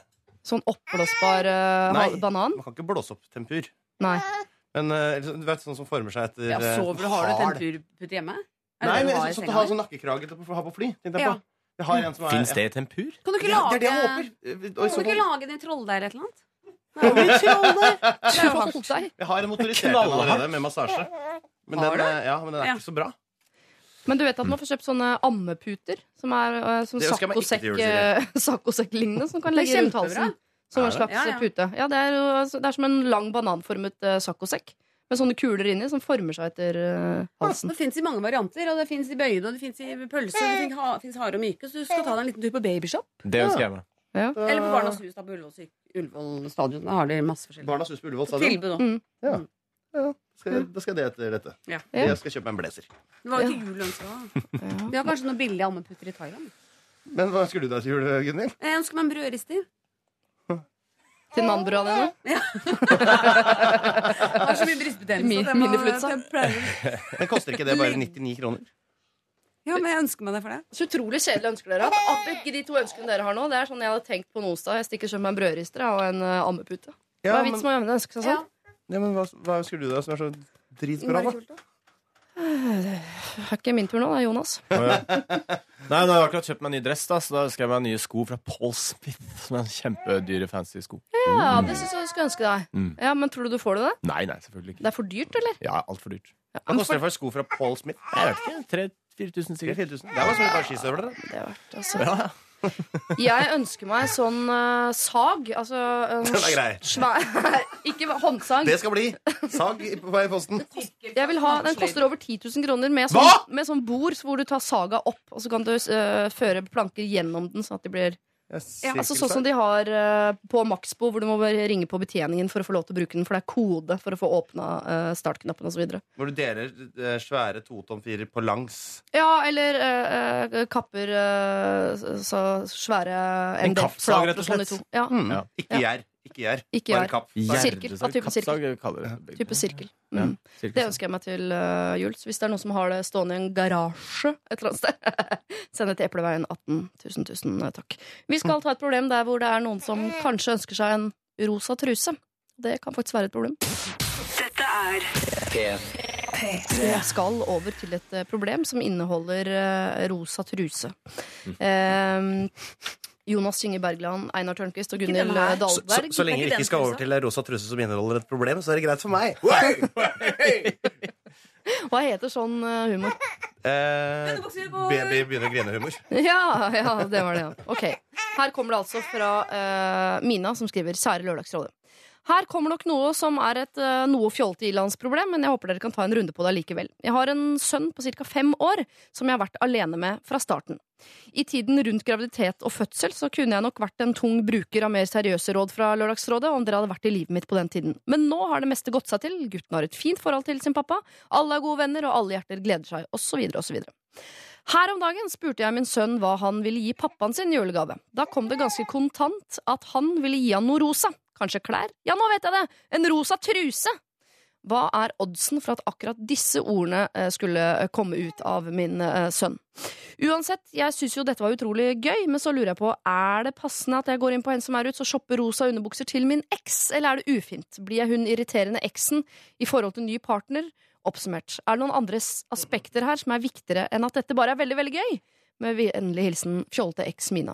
Og ta med dere det da når dere nå gir råd, at denne mannen har en ny kjæreste som også antakelig antagelig skal være der på julaften, når han eventuelt pakker opp denne rosa trusa fra sin sønn, men som alle jo vet at er eksen som har eh, kjøpt inn og pakket inn. Altså, Så lenge man uh, forklarer at dette er et ønske fra sønnen, så er vel det helt greit? er det ikke det? Hvor uh, Når hårsår skal kan man være? når skal man forklare det? Jeg, jeg tror Hvis du tar med sønnen på den shoppinga, og sønnen får lov til å velge ut sjøl, så vil sønnen være så stolt uh, av sin egen gave at det At det fremstår eh, hyggelig, da. Nå var du overraskende stotrete i forhold til hva du pleier å være. Det vil jo ikke hun eh, eks nye dama se. At de er eh, At han sønnen er veldig stolt over å ha kjøpt Å nei, for den de er gaven. ikke, feirer ikke jul sammen, nei. Nei, det er litt dumt, egentlig. Eh, vi skulle gjerne ha visst hvor sønnen er på julaften. Mm. Eh, så vi får ta begge deler av problemet. da La oss nå si at denne pappaen og den nye dama er eh, alene på julaften, eller da sammen med no noe annen Det slekt. er ikke noe vits å gi en gave fra sønnen, er det det? Unnskyld? Du mener altså at sønnen ikke skal gi gave til pappaen sin fordi det Ja, ikke men er da trenger vi gi den gaven. Men det er det han vil gi. Ah, ja. Ja. Han vil gi en rosa truse til pappaen sin. Og hun mora, det er altså så Nei, mange hensyn man skal ta. Jeg må bare berømme henne for å orke å ta den problemstillingen i alle hensyn som skal tas i jula, og ikke fornærme nye dama til barnefaren. Mm. Hun må jo være over tolv år, sånn at hun ikke blir sur for julegaven sønnen gir henne. Går det ikke an å ringe hun nye dama og si sånn Du, eh, sønnen min og, eller vår bla, bla, bla, barnet skal eh, ha skikkelig lyst til å gi bort den og den gaven. Mm. Og, for hun trenger jo ikke å, at det skal holdes skjult for. Det er sant.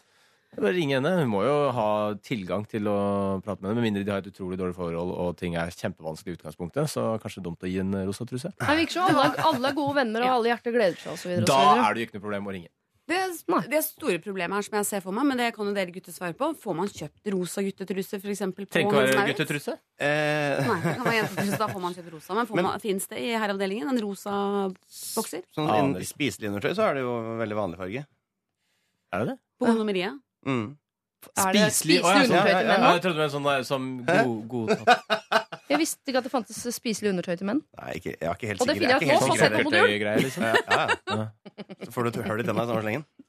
Nei, men du, du får jo rosa sånne Benny Borg til uh, boksershorts, i hvert fall. Ok.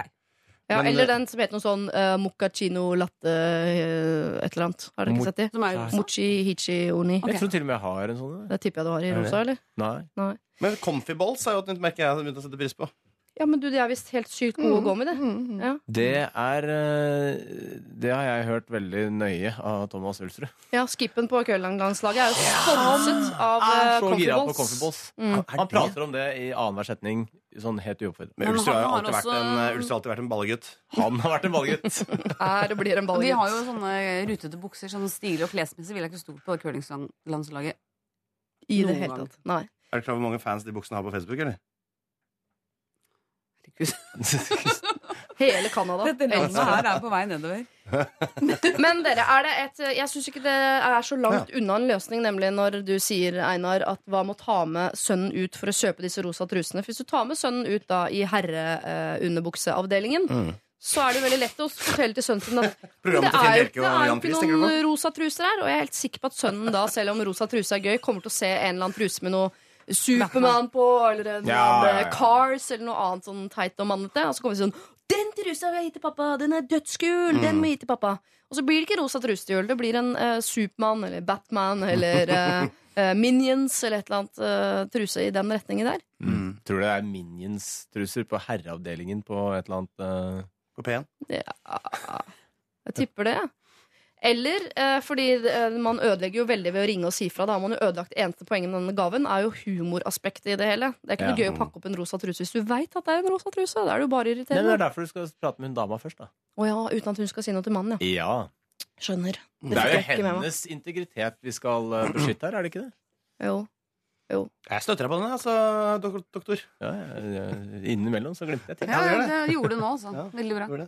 Tusen takk. Så på dette eh, rosa truse-problemet så eh, er vi faktisk over i at vi må uh, ta en telefon før jul og forklare innholdet i pakken før den blir pakket opp. Ja, men Det kan være så enkelt som en SMS eller en uh, eh, Du kan legge det som i attachment på LinkedIn-forespørsel, f.eks. Ja, selvfølgelig. Det er mye er lettere. Sende SMS.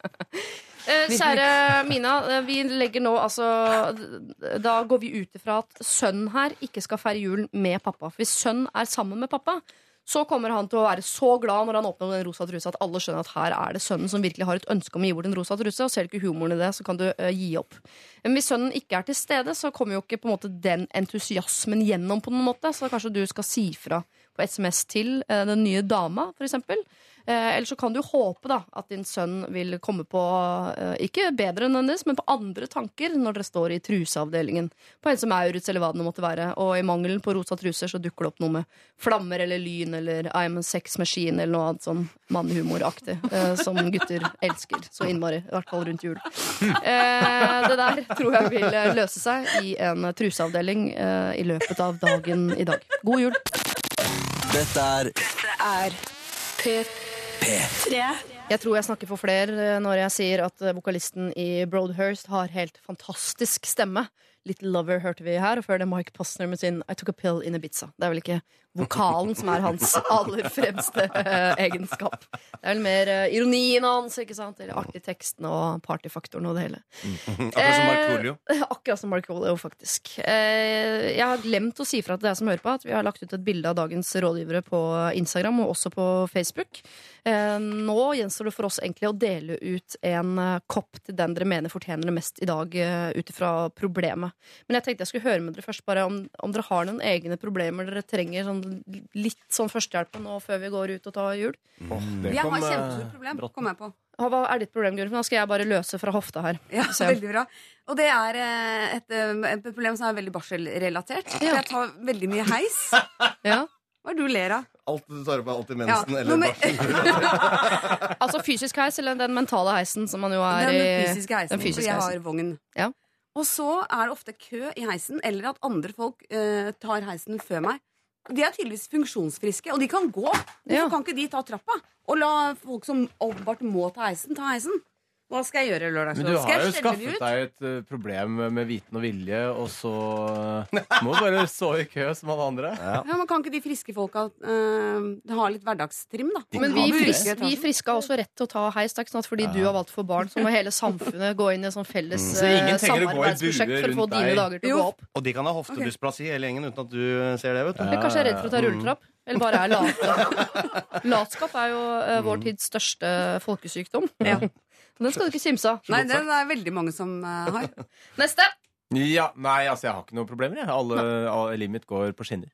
Ja. Ja. Du syns ikke det er vanskelig å skulle være singel i jula? Nei, Så der fikk du et problem. Ja. på ingen måte. Det hadde vært et helvete å ha et for... Hva skal jeg gjort da? Ta med folk hjem til mamma og pappa og se. Hils på dette mennesket. Dele på oppmerksomheten. Se Det hva pappa heter er. Astrid S, for eksempel. Det hadde vært så hyggelig, da. Hun er jo altfor ung òg. Ja, er hun det? Jeg vet ikke, er ikke hun bare tolv år eller noe sånt? Jo, det er hun kanskje. Stemmer det. Ja, det er for ungt. Mm. Absolutt for problemer. ungt. Eh, Einar, er du også helt eh, funksjonsfrisk og problemfri? Funksjonsfrisk? Ja. Nei, det er på ingen måte Jeg skal kappe av meg armen i eh, mars. Det stemmer, det. og Det er faktisk ikke tull engang. Hvilken dato da? Eh, 7. mars.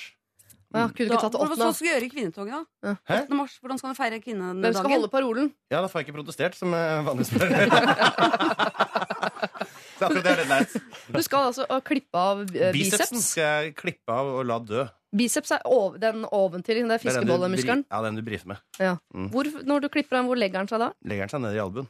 Så du får den sinnssyke albuen, da. Jeg kommer til å få en helt kongelig eh, albue. Einar Semperunkeren Tørnquist. Ja, det er ikke den armen. Det er, så det er, det er en gammel trommearm som er blitt ødelagt av dårlig teknikk. Mens Ja. eh, runkearmen, den er helt altså, der, der har jeg jobba så mye med teknikken at det, det trenger jeg ikke tenke på. Den skal vare i mange år til, den. Mm. Ja, Nei, men det er Problemet mitt også skal jeg få brukt opp alle pengene mine eh, når ikke det er nok med fem damer engang. Oi, oi, oi. Ja, eh, det orker jeg ikke å snakke om. Um, eh, dere skal få dele ut denne koppen. Jeg skal kjapt gå gjennom eh, kandidatene. Eh, vi startet friskt ut med Henriette, som er den andre kvinnen i dette forholdet til en eh, mann som da driver ligger med Henriette i nord, men har en kjæreste også i sør. Eh, så har vi eh, Sara, som eh, vi hjalp rett etterpå, som har, bor i verdens beste leilighet. Hun har dessverre da gitt bort noen ungarske bøker som sto i denne leiligheten, og det ønsker huseier å ha tilbake. Eh, Så har vi konemor, da, som har giftet seg smug med sin kjæreste, og de tenkte at de skulle fortelle det syv måneder senere på julaften ved å legge bryllupskort under juletreet og si 'God jul, vi har giftet oss uten at dere vet om det'. Og på ønskelisten står det 'Ingen sure miner'. Eh, vi har også eh, Maja, eh, som har fått et eh, brev om at eh, venninnen hennes antageligvis har giftet seg med en psykopat. Så har vi Home Wrecker Pete, som vi har da omdømt til Home Mender Pete. Skjønner du det engelske i det nå, Einar Tørnquist? Jeg har skjønt det engelsk hele tida, jeg. Okay. Han, Bare gjorde deg til i stad. Jeg fulgte ikke med, for jeg leste brevet. Ja. Han kan selvfølgelig få en uh, kopp. Det kan også denne kvinnen fra Ås, som har fått en eh, ring fordi hun har eh, tatt master eh, i Ås. Men hun er redd for at folk tror hun er gift når hun går med denne uh, vikareligionaktige ringen. Der må Ås i sin helhet ta selvkritikk. Ida hun eh, har eh, loftet fullt av kjoler som er for små. Lurer på om hun skal bevare de som små uh, gulrøtter, eller om hun skal kvitte seg med de en gang for alle. Og til slutt Mina, da, som har en sønn som ønsker å gi sin far en rosa truse til jul. Og i humorens høyborg, NRK, så syns vi jo det for så vidt er en god idé, altså. Hvem fortjener kopp? Artig originale problemer i dag, når du oppsummerer på den måten. Ja. Jeg syns at uh, for meg, min stemme uh, går til hun ungarske med de bøkene. Altså, det var så eksotisk, det problemet, syns jeg. Ja. Mm. Ja, så hun fortjener en kopp som hun kan uh... Altså bare fordi hun har et uh, eksotisk og interessant liv, så skal hun få det enda bedre? Både ikke en som Ja. har det veldig ja, hun har, jo, hun har jo åpenbart et veldig stort problem. Hun må jo ringe en veldedighetsorganisasjon og være den gjerrigknarken som sier Hei, kan jeg få tilbake de gavene, for jeg har en tolk bak her som ikke Hun er tar faktisk en av de innover få seg her som faktisk må gjøre noe. Mm. Ja. Alle de andre kan egentlig bare la skuta skure og gå og, så bare se hva som skjer. Mens hun her må gjøre noe. Ja, der hører jeg at du driver med langrenn, Jonas, når du sier at skuta må skure og gå. Du ler Han så bøyer seg i hatten. i babyen. Ja, hva, hva heter det? Jeg må la skuta seile sin egen sjø. må du Seile, skure og gå? Skure og, la ting skure og gå? Er Ja. ting skure og gå? Skuter kan seile sin egen sjø? kan Kan du ikke bare si at det er å ha Du Ja, har såkalt sant. laissez-faire eh, på det? Laissez-faire. Det er å la det skure. og Ja. Eh, hvem syns du, Einar, skal få kopp? Min stemme går alltid til Malala og den tunisiske diskusjonskvartetten. Men Det er to eh, forskjellige fredsprisvinnere, men det er fint vi å sende slå det sammen. er det lov å like begge, eller? Ja da. Eh, ja, vi skal litt sende til bakpå å Malala. like Malala, det- egentlig, men Det hadde vært veldig gøy hvis vi bare sendte en kopp til Malala. Sånn, du får denne her også, i tillegg til fredsprisen. Ja. Nei, jeg eh, tenker at nå har jeg vært med noen ganger, og det har alltid gjort det jeg syns mest synd på. Så nå skal jeg stemme for de jeg syns er artigst, og det er de som skal giftes Eller har gifta seg og ikke Jeg er litt enig i det. Eh, De som eh, virker som en gøyest eh, Ja. gjeng De kan godt tenke seg de er gøye, de andre òg, men de har ikke vist det gjennom problemene sine. Og de fortjener jo en Han lille gutten med rosa truse til far, er, han kommer til å bli en artig fyr, da. I framtiden. Mm. Kanskje. Hvem vet? Men det er et paret som er så gøy. Kanskje vi skal lage en liten gave med eh, Hvis de skal få koppen, så må det være med en twist. Og det er at når koppen knuser, så må de skilles. Hilsen homebreaker eh, Gunhild. Ja. Ja. Hvorfor er Pete helt ute av dansen her, av dere? Ja, Pete han har det som plommen i egget. Han bare har en liten kniv på strupen, men han får uh, lufta tissen sin veldig ofte. Så er Ja. det ikke noe synd på han. Og han har eh, tilbud om å dra til USA med et par og ligge seg fra New York til San Francisco. Ja, det er sant, det. Var det der de skulle? Det er det som er Route 66, for å si det sånn. Eller 69. da, Nei, på en hun, måte. eh, Uh, nå skal jeg ta Hvis jeg får bestemme, så er det til uh, ungareren i sokkelleiligheten. Altså, hun har jo Ja, det er du sagt, men det er ikke dere Ja, men da- Nei, andre. Det er runde to, så jeg bare prøver å Hvis vi sier det er kule ekteparet, da. Jepp. Ja. Og en. da, da er det jo vi som bestemmer, da. Mm, det er Så det. det er i samfunnet generelt, Gunhild. Kan jeg sende denne pappkaffekoppen fra Shell til hunden i ungarske? Det tror jeg blir løsningen eh, i eh, dag. Det er eh, altså dere som er så heldige å ha giftet dere, men som nå må fortelle syv måneder senere til familien, som får Peter altså Lørdagsrådet-kopp. Som en ekstra liten julegave, mens du, som, hen, som har gitt bort alle de ungarske bøkene, du får en uh, brukt pappkopp av Gunhild Dahl. Det er utrolig snilt av deg. Jeg tar et kjøkkenglass her istedenfor. Står i stil med de bøkene, da. Tusen takk for at dere tok dere tid til å komme hit i dag, eh, folkens. Jeg ønsker dere en eh, fortreffelig jul full av marsipan I like og gaver. I like I måte, like måte. God jul, alle God sammen. jul! God jul! Dette er Lørdagsrådet På P3. P3